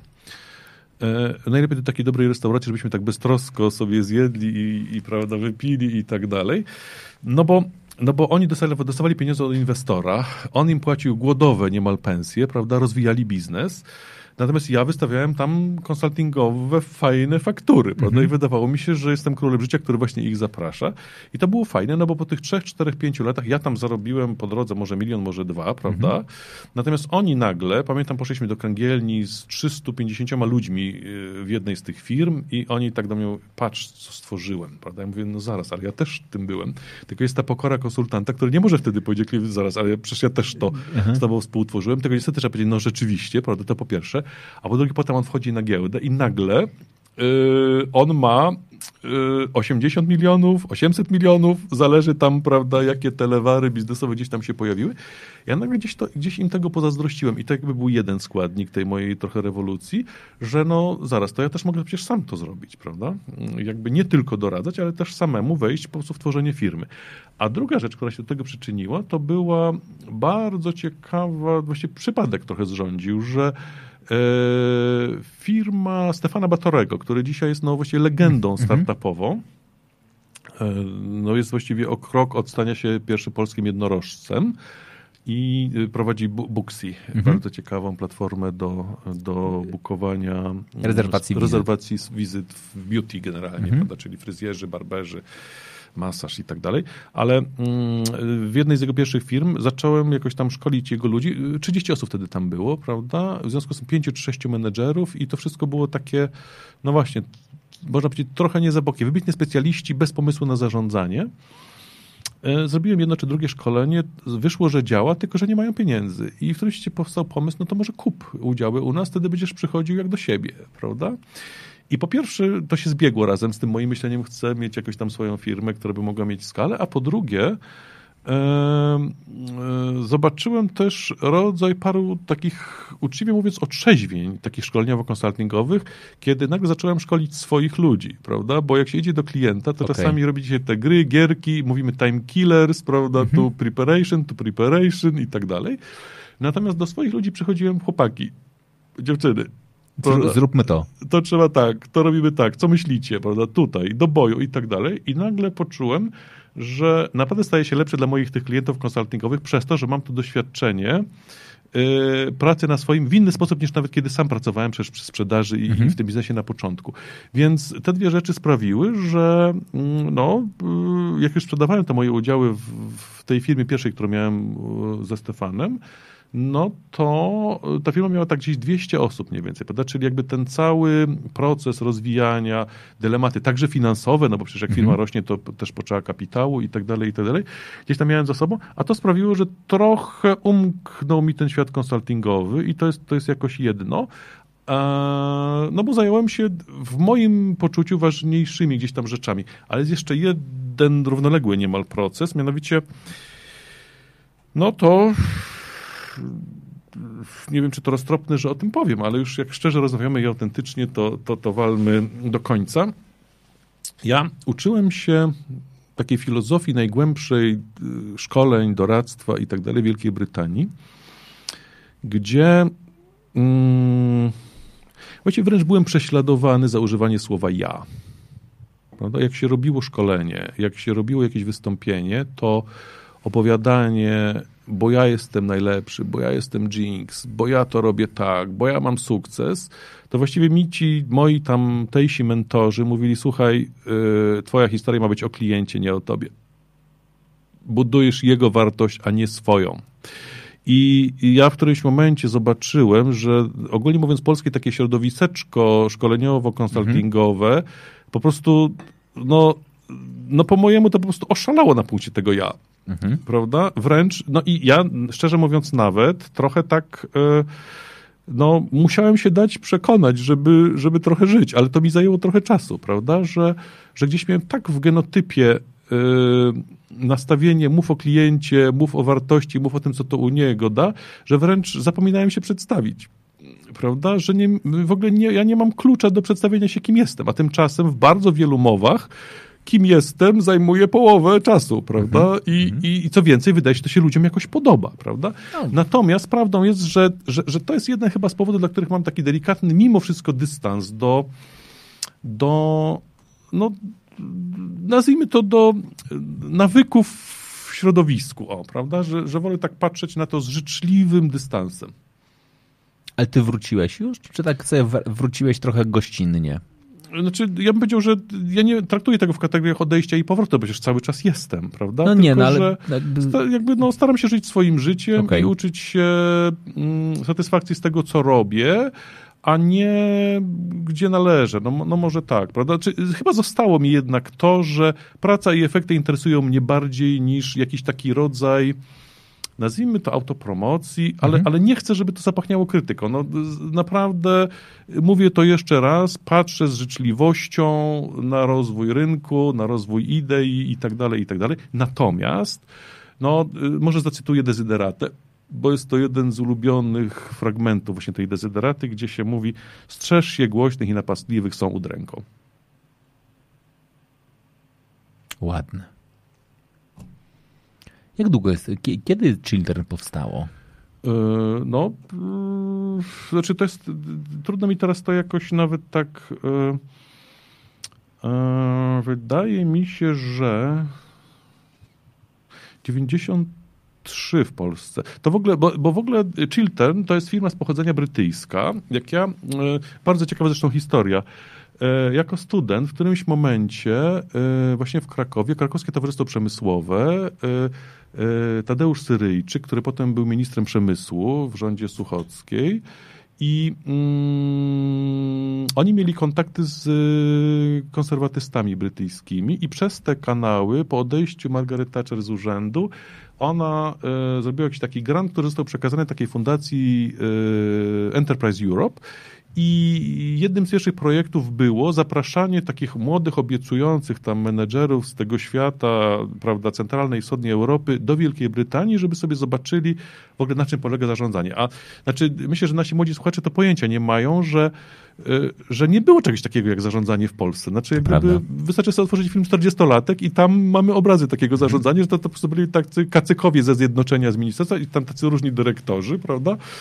No i to takie było właściwie spędzanie czasu w biurze. O, może moja babcia też mi zawsze mówiła, ucz się wnuczku, ucz, to będziesz w biurze pracował, nie będzie ci zimny wiatr i deszcz, prawda, za kapotę tam wpadał i to właściwie było całe wyobrażenie o zarządzaniu. A jeśli chodzi o szkolenia, to były jedynie zakłady doskonalenia mhm. zawodowego i koło gospodyń wiejskich, prawda? I teraz ja wyjechałem do tej Wielkiej Brytanii właśnie na zaproszenie tej fundacji Enterprise Europe, mm, żeby się po prostu uczyć zarządzania, prawda? I mm, trafiłem do Xeroxa, bo to było tak zorganizowane, że że y, po prostu miało się staż w, zresztą model dzisiaj już powszechny, prawda, a wtedy to było dość pionierskie, staż w jakiejś zachodniej firmie, która godziła się na to, że będzie to uczyć takiego człowieka praktycznie zarządzanie, potem po pół roku, czy tam zależy na jaki czas się godzili, czy tam ile mieli pieniędzy, żeby to zasponsorować, po prostu wracał tutaj i odnajdywał sobie swoją drogę, ale już był takim trochę, no, można powiedzieć... Mądrzejszy trochę. Mądrzejszy, prawda, sprawniejszy.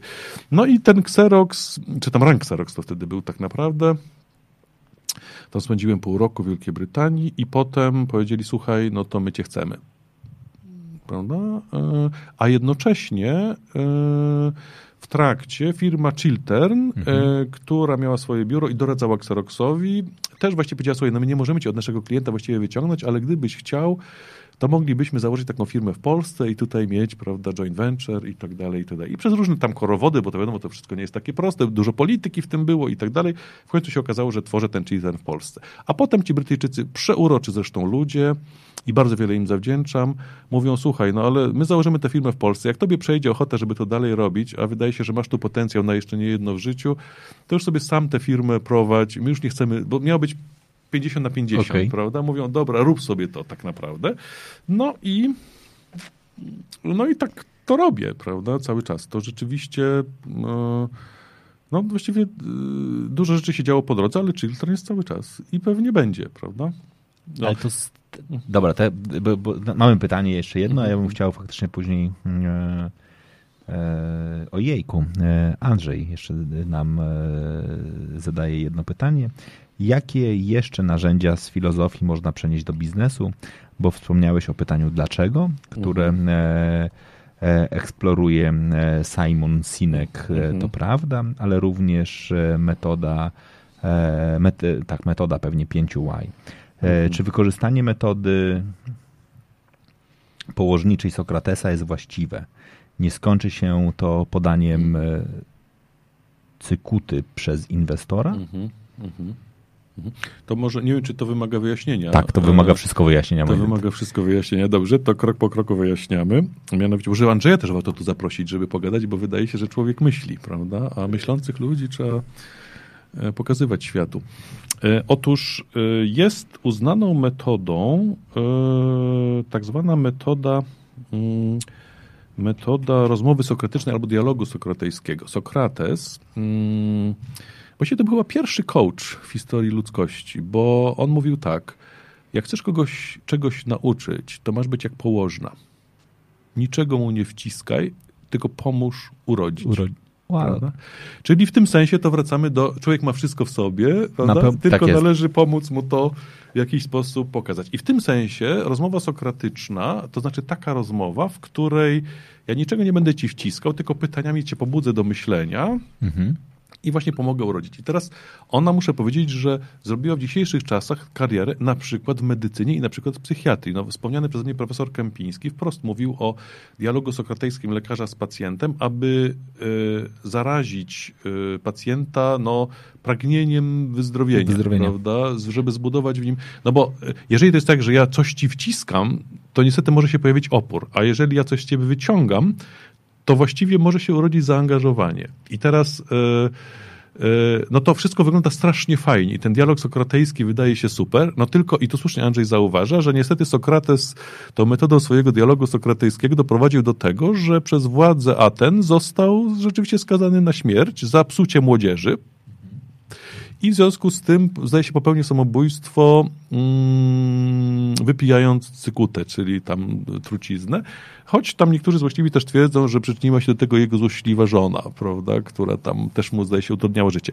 Ale e, to tak z żartem, naprawdę mówię dużym żartem, natomiast wracając jakby do do dialogu sokratejskiego. Otóż prawdą jest, że Sokrates też denerwował ludzi tym, że obnażał ich głupotę prawda? E, no bo czasami pytaniami można uświadomić człowiekowi, że... i niestety powiedziałbym tak, e, no prawda, prawda, prawda, autentyczność, autentyczność, autentyczność, ale czasami trzeba pozwolić ludziom wyjść z twarzą z głupstw, które zabrnęli, ponieważ jak im za, no, to uświadomimy, że że popadli w głupotę, to powiedziałbym, jeden na stu podziękuje, a pozostali poprzysięgną zemstę, prawda? Niestety jest, i to myślę, że obaj w biznesie często widzimy, że jak widzisz kogoś w chwili słabości, to wydobrzeje i niszczy wszystkich świadków, mhm. prawda? Bo no bo żeby się poczuł wielki, to chce, żeby żyli tylko ci, którzy widzieli go wielkim od zawsze. Prawda? To jest niby los tyranów, ale w dzisiejszym świecie to się gdzieś tam zdarza, że, że skonfrontowanie człowieka niegotowego z prawdą, o nim lub o świecie powoduje, że ginie posłaniec, a wcale nie, y, że zmądrzeje ten, któremu chcemy wiadomość ważną gdzieś tam przekazać. Więc w tym sensie dialog sokratyczny jako metoda super, natomiast no i to znowu ci Brytyjczycy, którzy mnie uczyli, uczyli mi tego bardzo mocno. Słuchaj, nie mów klientowi więcej niż jest w stanie na teraz zrozumieć. No może troszeczkę prawda? Natomiast jak się za dużo, no to jest kłopot. Jeszcze może jedną anegdotkę o Sokratesie, bo Sokrates... Yy, w którymś momencie udał się do wyroczni, bo to w tamtych czasach wyrocznia e, o wszystkim gdzieś tam decydowała, żeby się zapytać, kto jest najmądrzejszy na świecie. No i wyrocznia mu tam w oparach oczywiście powiedziała, no ty Sokratesie. I on mówi, ale to się nie godzi. No jak to? No przecież niemożliwe, prawda? I zaczyna podróż do różnych, yy, że tak powiem, yy, grup społecznych w tamtych czasach, yy, chodząc od jednego do drugiego, żeby ich dopytać, prawda? Sprawdzić, czy aby oni nie są od niego mądrzejsi, bo by wtedy był zwolniony z tego ciężaru bycia najmądrzejszym, prawda? No i są przecudowne perypetie. Znowu można, jak ktoś chce, może doczytać. Yy są przecudowne perypetie, jak to udaje się do poetów i oni oczywiście twierdzą, że to oni są najmądrzejsi. Oczywiście udaje się do polityków i już wtedy oni uważali, że są najmądrzejsi, prawda? I tak dalej, i tak dalej, i tak dalej. I, mm, I on w tym świecie właśnie puentuje to przeuroczo i nie ma się co dziwić, że go znienawidzono, bo mówi tak, no ale przecież jeżeli mm, o nikim nie można powiedzieć, że jest najmądrzejszy, e, a oni twierdzą, że są najmądrzejsi, a ja wiem, że najmądrzejszy nie jestem, no to o to jedną rzecz od nich jestem mądrzejszy. Prawda? I stąd y, jest to słynne zdanie przepisywane Sokratesowi, wiem, że nic nie wiem. Prawda? E, o które był mądrzejszy od wszystkich ludzi na swoim świecie, prawda? No i właściwie można powiedzieć, no, no, no piękniejszego rodzaju mądrości ciężko znaleźć, a jednocześnie pomyśl, e, jak to może być wkurzające, jeżeli przyjdzie ci taki Sokrates, prawda, i nagle ci wykaże, że jest ciebie mądrzejszy przez to, że wie, że nie jest ciebie mądrzejszy, prawda? No to przecież pogonisz go natychmiast, a już na pewno nie pozwolisz wystawić faktury. No właśnie. I to jest ten moment, e, do którego ja bym chciał trochę nawiązać, czyli do wystawienia faktury, mhm. a tak naprawdę do tej do, do, do tytułu twojej książki. Serce i portfel. Portfel to jest ten moment z fakturą, rozumiem. Mm -hmm. Skąd się wziął ten tytuł? Co on symbolizuje? No, bardzo prosta znowu historia, mianowicie wydawnictwo, które wydrukowało mi, czy właściwie stworzyliśmy razem tę książkę. Zaczęło się to wszystko od tego, że mm, dałem dwa wywiady dla pisma w drodze. Mhm które właśnie wydawnictwo w drodze wydaje. I e, te wywiady się jakoś tam spodobały, to oni wymyślili, żebym napisał książkę pod tytułem Być sobą w pracy.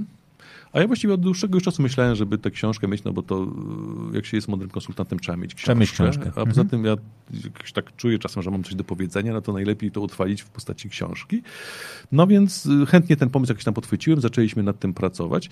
Natomiast w którymś momencie, i to, i to było moje myślenie, że tytuł Być sobą w pracy jest zbyt psychologizujący, zbyt mhm. taki nasuwa ezoteryczne mm, skojarzenia, może zwodzić, bo jednak staram się jakoś tam uważać za realistę i rzeczowego dosyć człowieka, w związku z czym powiedziałem, musimy jakiś konkret dołożyć. No, no więc mówię, dobra, niech zostanie w podtytule być sobą w pracy, ale zacznijmy od konkretu, o co chodzi w tej pracy. No o serce i o portfel. Prawda? Po co chodzimy do pracy? Prawda? No, żeby y, jakoś być szczęśliwym, jakoś realizować jakieś pragnienia, jakieś potrzeby, prawda? No, to symbolicznie siedzi w sercu, no ale z drugiej strony, żeby mieć jakieś efekty, prawda? Myślę, że gdybyśmy tylko ciągle żyli pasją, to byśmy nie żyli. Mhm. Mm, a poza tym, y, i nie ściemniajmy tutaj, w człowieku jest pragnienie osiągnięć, prawda? Ci wszyscy, co to marzą, żeby zrównać dochody wszystkich i tak dalej, i tak dalej, to zapominają, że no, im większy budżet klubu sportowego, tym z jakiegoś powodu lepiej gra, prawda? I im większy... Bo ma lepszych piłkarzy lub też tak, lepszych tak, zawodników. Tak, tak, tak, tak. I i, ale też im się bardziej chyba wygląda, że chce, prawda? No jakby, no gdzieś jest tutaj, znaczy ja widzę, to teraz mówię trochę o turkusowych organizacjach, prawda? Które, które są pięknym marzeniem i, i pięknym pomysłem i tak dalej, ale wydaje się, że rzeczywistość jakoś przeczy temu, prawda? Znaczy po prostu talenty największe na świecie jadą tam, gdzie nadzieja na nagrodę jest największa. Nie jest to wyłącznie nagroda finansowa, ale z drugiej strony nagroda finansowa otwiera wiele drzwi i poszerza wiele możliwości, w związku z tym po prostu oni gdzieś tam o to walczą. I w tym sensie to y, my mamy takie mrzonki, stworzymy sobie nad Wisłą Krzemową Dolinę. Oczywiście, tylko powinniśmy też umieć tak płacić, żeby jak ludzie będą mieli do wyboru prawdziwą Krzemową Dolinę albo nadwiślańską Krzemową Dolinę, to z jakiegoś powodu yy, chcieli jednak w tej nadwiślańskiej gdzieś tam być. I teraz wracając tutaj, to, to ja jednak jestem jakoś orędownikiem tego, żeby sobie też odkrywać potrzebę osiągnięć, mhm. to jest jedno, a pewnym, mimo wszystko, nie jedynym, ale, ale dość uniwersalnym miernikiem wagi osiągnięcia jest jego, no nazwijmy to, y, wycena finansowa, prawda? Bo przecież doskonale wiemy, że pomysły, nawet społeczne, innowacyjne, też się dają wycenić, prawda? Marki się wycenia, y, kapitał intelektualny się wycenia i tak więc jakby w tym sensie ten portfel, to on nie tylko jest, co ja mam w swoim portfelu dziś, prawda? Ale to jest potencjał rozwojowy moich pomysłów i potencjał rozwojowy tego, co ja robię, prawda? Znam takich bardzo czewi przedsiębiorców, którzy mówią tak, y, patrzą na jakiś pomysł na biznes, mówią tak, słuchaj, ten twój pomysł na biznes, nawet gdyby się udał, po prostu gdyby się świat sprzysiągł, żeby ci pomagać w każdy możliwy sposób i osiągniesz swój sukces, stworzysz biznes, który będzie wart 3 miliony złotych. Zostaw to. Wolę pomysł, to jest obarczony dużo większym ryzykiem, ale ma potencjał na 300 milionów, 300... 3 miliardy, 30 miliardów, prawda? I teraz zobaczmy, to, to, jest ciekawie wszyte w ruch startupowy, prawda? Że, że ich się uczy i oni sami, wydaje się, to gdzieś ujawniają.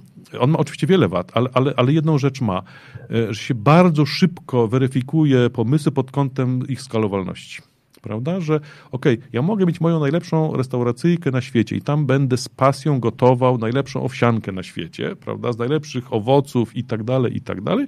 I w związku z tym, jeżeli ja chcę mieć taki sobie tutaj butik, prawda? Mhm to, to proszę bardzo, tylko muszę się liczyć z tym, że jeśli wszystko wyjdzie najlepiej na świecie i nie dobuduję do tego jakiegoś sklepu internetowego z czymś tam, mm, no to po prostu będę miał co najwyżej 17 tysięcy złotych pensji.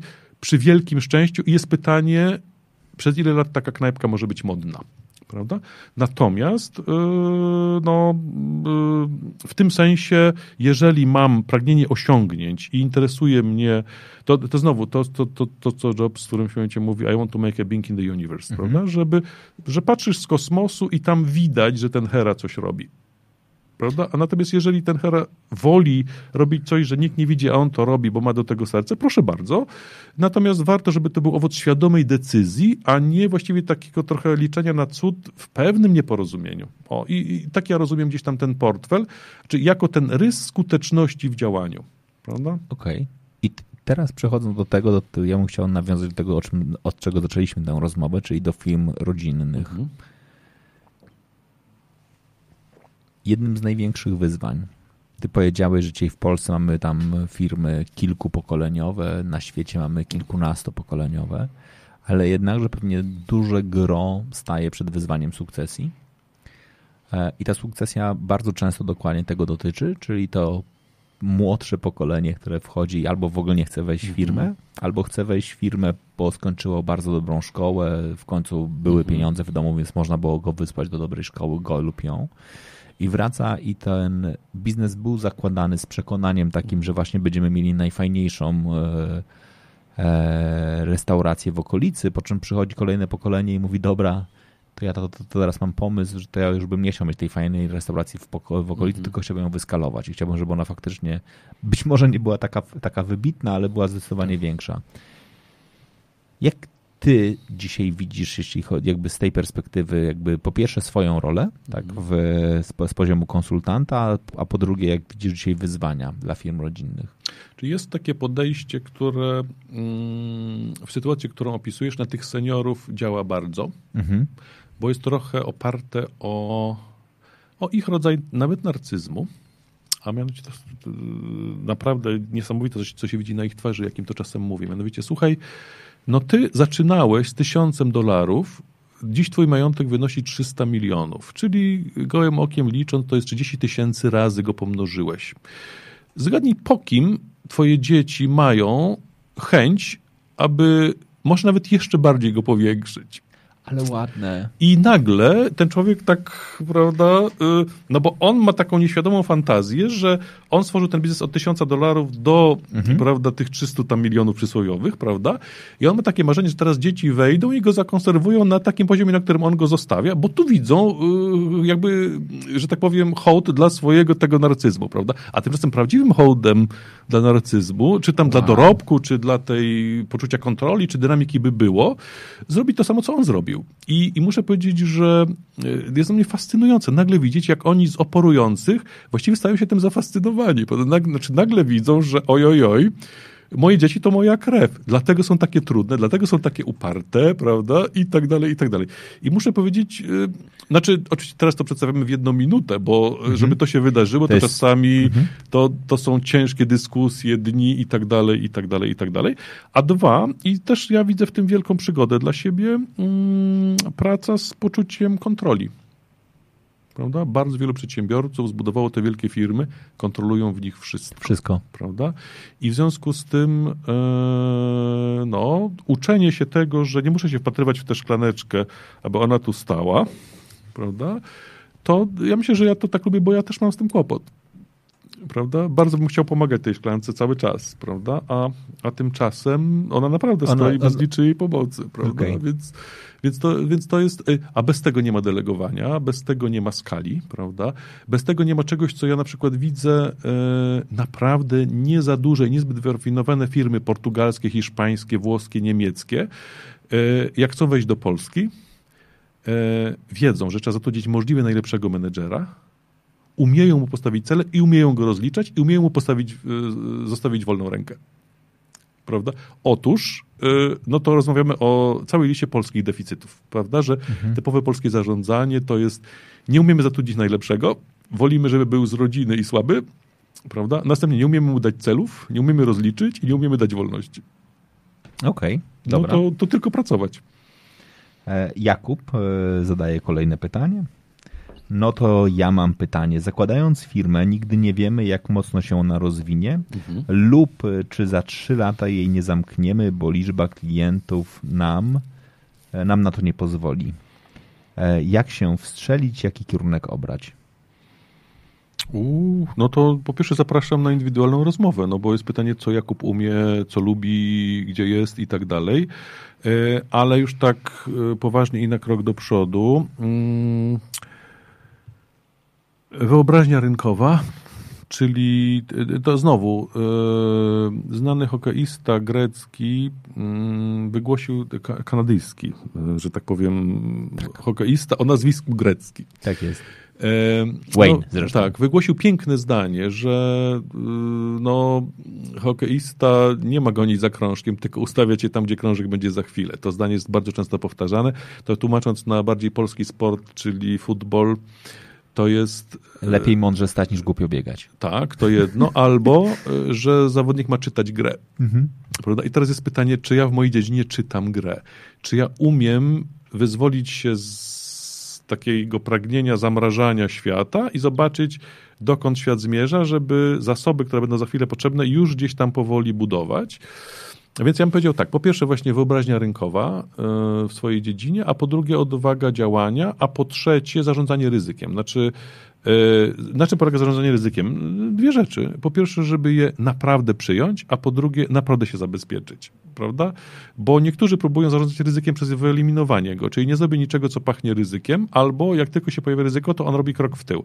A tymczasem czasem robi krok do przodu, prawda? Znaczy, z faktu, że wypuściłem na, na rynek produkt, prawda, i on się słabo sprzedaje, nie wynika, że ja muszę przestać go produkować. Może powinienem go właśnie podrożyć i sprzedawać bardziej, prawda? Mhm. I teraz muszę tutaj mieć jakby tę duszę ryzykanta, ale jednocześnie mądrość kogoś, kto no już tak trochę, żebym się posłużył praktycznym przykładem konkretnego przedsiębiorcy. Ściągam z giełdy 100 milionów, prawda? Mówię sobie tak, dobra, 2 miliony schowam e, na czarną godzinę, za 5 milionów będę się bawił, yy, nawet nie w sensie imprezy, tylko może produkcja filmowa, może moda, coś takiego, mhm. co naprawdę jest fanem i, i poza szaleństwem ryzyka, no i pozostałe 95 w jakiś taki biznes, co ma ręce i nogi, na którym się z grubsza znam. Ja na przykład mam taki przepis na zarządzanie ryzykiem, że jak czasami mnie proszą, żebym zainwestował w jakąś spółkę, to mam takie trzy warunki. Po pierwsze, trzeba się na tym znać. Po drugie, muszę ufać ludźmi, ludziom, z którymi będę to robił. E, I, I po trzecie, e, mieć większościowe udziały. I teraz z tych trzech warunków dwa muszą być spełnione. Prawda? To jeszcze raz powtórzę. Czyli możesz mieć większościowe udziały i ufać, ufać, ludziom i się wtedy możesz nie znać? Tak. Możesz e, mieć, możesz się znać, znać ufać ludziom, ale nie, nie muszę mieć większościowych udziałów, prawda? Albo, albo trze, trze, prawda, dokładnie, trzecia konfiguracja. To jest do, dosyć proste i to jest dla mnie duży kompas, który mnie, znaczy to jest mój taki trochę patencik na zarządzanie ryzykiem. No i chyba już teraz też mam taki luksus, że to powinien mieć z tego jakiś fan, prawda? Znaczy jak gdyby jakoś tak coraz mniej, znaczy to jest też bardzo ciekawe. Myśmy jako pokolenie mieli taką religię poświęcania się. Znaczy było coś takiego, że to wracamy do naszego to pytania o tę ciężką pracę, że coś jest bardziej wartościowe, im bardziej się nacharowałem i tak trochę poświęciłem życia, żeby to zrobić. To tak z mlekiem matki się to wysysało gdzieś tam. I myślę, że teraz uczmy się od tych tam milenialsów niedobrych, że że fan ma znaczenie, że przyjemność jest ważną częścią życia i że trzeba liczyć nie tylko potencjalne przychody, ale też koszty, a koszty to nie tylko pieniądze, to wracamy do, nawet do przesłania mojej książki, koszty to też emocje, trud. Mam takie też, to bardzo ciekawa jest anegdotka, zjeżdżam kiedyś w sobotę ze stoku na nartach, dzwoni nagle telefon, nie wiem, czy ci się to spodoba, ale ja się w związku z tym zatrzymuję, odbieram ten telefon, bo dzwoni ważny dla mnie klient i mówi sobie, muszę koniecznie się tutaj coś skonsultować, bo jesteśmy tu w jakichś tam ważnych negocjacjach i tak dalej, i tak dalej. Mówię, no dobra, pogadaliśmy, pogadaliśmy, ja mu tam doradziłem. E, I on tak, e, ponieważ już tak trochę z nim pracowałem, to tak dla przyzwoitości mówi, no nie, ale jeszcze tak mówię, to co u ciebie, prawda? Mówi, żeby nie było tego, że traktujemy mnie narzędziowo. Mówię, nie możemy się traktować wyłącznie narzędziowo. Ja mówię, no jestem na nartach. I nagle to mówi, ty wiesz, ja bym dał, żeby teraz być na nartach 3 miliony. Prawda? I teraz zobacz, jak ma się skala finansów do skali pragnień, emocji, marzeń, że niektórzy nawet mają umiejętność wycenienia tego, prawda? Że przy pewnych warunkach dzień na nartach może być wart dla kogoś 3 miliony, prawda? Ja mówię, no słuchaj, chętnie cię zabiorę. Zabiorę prawda? cię. To... Za 20% tej kwoty. Za, ogóle, załatwimy prawda? to, załatwimy no, no, to. No, dokładnie tak, prawda? I to jest moim zdaniem pytanie o stosunek w życiu w ogóle kosztu do wartości prawda? To wracamy do niemal klasyki i, i wiele jest na ten temat rozważań, że że czasami coś kosztuje dużo, ale warte jest niemal nic, prawda? No, ja tak czasami lubię to na pierścionkach tłumaczyć, prawda? Że właściwie nawet najpiękniejszy brylant za miliony od niewłaściwego mężczyzny, dany w niewłaściwy sposób, w niewłaściwych okolicznościach, wręcz budzi irytację, prawda? A czasami nieudolnie ze sreberka po czekoladkach zrobiony rodzaj obrączki w ogóle zmienia życie. Jest najważniejszy w życiu, dokładnie tak, prawda? I musimy w związku z tym uczyć się nie tylko mowy liczb i mowy kwot, ale też mowy symboli, mowy emocji, mowy mowy tajemnicy, prawda? No, mowy pytań, prawda? To są wszystko ważne rzeczy. Ja zrobię coś, czego nie powinienem robić w tym momencie, ale jednakże uznam, że powoli się zbliżamy do końca. E, ale mam prawo to zrobić tylko z jednego, jedynego powodu, a mianowicie takiego powodu, że ty powiedziałeś, że tobie się tutaj podoba i że będziesz wracał. Oczywiście. I ja teraz, jakby, że tak powiem, e, postawię to jako pewnego rodzaju zobowiązanie, że widzimy się e, niedługo e, ponownie, bo ja mam pytanie, że ten wywiad nie dał odpowiedzi, tylko otworzył bardzo dużą ilość drzwi, o których ja bym chciał z Tobą porozmawiać, znaczy jakby tematów, o których ja bym chciał z Tobą porozmawiać, bo ja bym chciał faktycznie wejść trochę jeszcze bardziej w specyfikę firm rodzinnych, bo mam takie przekonanie, że generalnie w Polsce się za mało o tym mówi. Znaczy, że w ogóle... To prawda, a też jest taki trochę stereotyp, że firma rodzinna równa się piekarnia, kwiaciarnia tak. i tak dalej, a tymczasem no, w organizacji, o której tu rozmawialiśmy, są firmy typu LPP, NLMed, yy, chociażby JMP Flowers, prawda, czy właśnie ta firma kwiatowa. I to są giganci, którzy mhm. konkurują już w pierwszej lidze światowej i skalą, i profesjonalizmem. Prawda? Mhm. I w związku z tym a mimo wszystko mają intencje i fascynację, aby pozostać firmami rodzinnymi. Tak. I mało tego, ja jeszcze mam taką charakterystykę, którą często wrzucam, to jest ten wymiar dokładnie związany z sercem, e, z perspektywy portfela. To jest e, to, że te firmy bardzo często są nieprawdopodobnie ważne w regionach, tak, znaczy i, i, to, i ta waga bycia ważnym w regionach jest ważna też dla, e, dla samego jakby właściciela. Tak? Znaczy ja bardzo często mam takie doświadczenia, że rozmawiamy na przykład o jakichś tam restrukturyzacjach i on patrzy i mówi, Wojtek, to w ogóle jest niemożliwe. Znaczy ja nie, nie po to zatrudniam tutaj 300 osób z naszej wsi. Mhm. Ja mam świadomość tego, że ja ich przepłacam. Tak? Ja, mhm. A mam absolutnie świadomość, że gdybym do tego podszedł inaczej, to moglibyśmy im wszystkim płacić mniej według stawek, ale ja, ale ja nie chcę, bo jednym z ważniejszych elementów prowadzenia tego biznesu jest to, żeby zadbać o to, żeby ta e, tutaj ten region był po prostu dobrze funkcjonował i i tyle. No i... To prawda i to jest dość powszechne. Ja też znam taką firmę rodzinną, to jest urocze, że zatrudnia po prostu wszystkich w promieniu 40 kilometrów mhm. i tylko właściciel wie, z której wioski i z której rodziny nie mogą, nie razem pracować, mhm. bo od lat y, widłami i siekierą, prawda, mhm. układają sobie stosunki. To jest po prostu przepiękne. No, więc na pewno o tym bym chciał. Ja bym chciał wrócić jeszcze do tematów y, filozofii w biznesie, że to w ogóle myślę, że to będzie taki ładny, e, ładny temat i pewnie też zachęcić wszystkie osoby, które nas słuchają do tego, żeby teraz e, też pomyślały, o czym jeszcze chcieliby porozmawiać, czyli możecie nam wysyłać zapytania w komentarzu e, do poszczególnych, do tej audycji, możecie wrzucać w komentarzu na Spotify'u i iTunesie możecie wrzucać, możecie na YouTubie komentować, my sobie zbierzemy te wszystkie te pytania i przy kolejnej audycji ci chętnie je zadam. Nawet mogę ci je zadać wcześniej, żeby też było tak trochę mniej spontanicznie, a bardziej przygotowanie, choć moim zdaniem świetnie radzisz sobie w narracji spontanicznej. Ja też myślę, że mm, zaskoczenie pytaniem wydobywa pewne zasoby, które inaczej by były popsute nadmiarem przygotowania, ale nie mówię tego na szkoleniach o planowaniu. O planowaniu. To prawda, to prawda, tak, że, że chyba więcej prawdy wychodzi z nas, kiedy jesteśmy zaskoczeni. To też spece od radia, którym chyba już, jak rozumiem, jesteś, też mówią o tym, że jak się przesadnie przed opowie pytania, a nawet wypróbuje odpowiedzi, to potem jakość tego, co się na żywo dzieje, spada, no bo już bo już się wygadaliśmy. Bo już się wygadaliśmy. Znaczy ja w ogóle pewnie często, nawet to też tobie powiedziałem, tutaj nie mów mi, będziemy o tym rozmawiać. Mhm ja w ogóle po prostu gubię taką swoją e, ciekawość e, rozmówcy, jeżeli znam jego odpowiedzi, więc jakby to też jest ten element.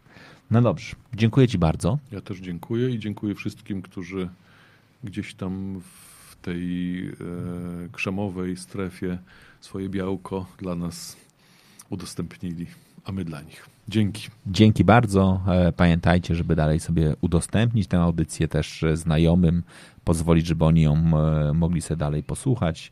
Subskrybujcie e, w pozostałych mediach, a ja wrzucę taki opowiedziałeś, czy możesz zamówić piosenkę, to ja nawet ja ci wybiorę piosenkę, ona będzie taka filozoficzna, czyli tytuł Everything's Changing pasuje.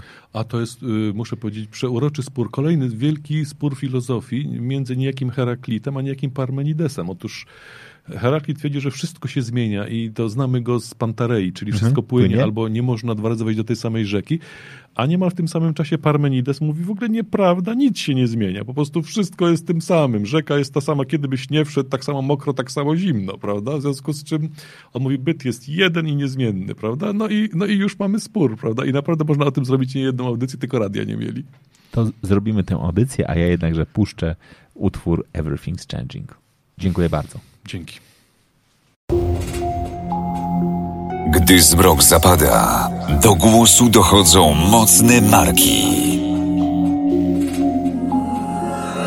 Herra on Air. Nocne rozmowy o sporcie, biznesie i przedsiębiorczości. Wyjątkowi goście, aktualne tematy. Mówimy jak jest. Bez ściemy, cenzury i kompromisów. Na żywo. Zaczynamy. Cisza w eterze. Oddajmy głos Herze.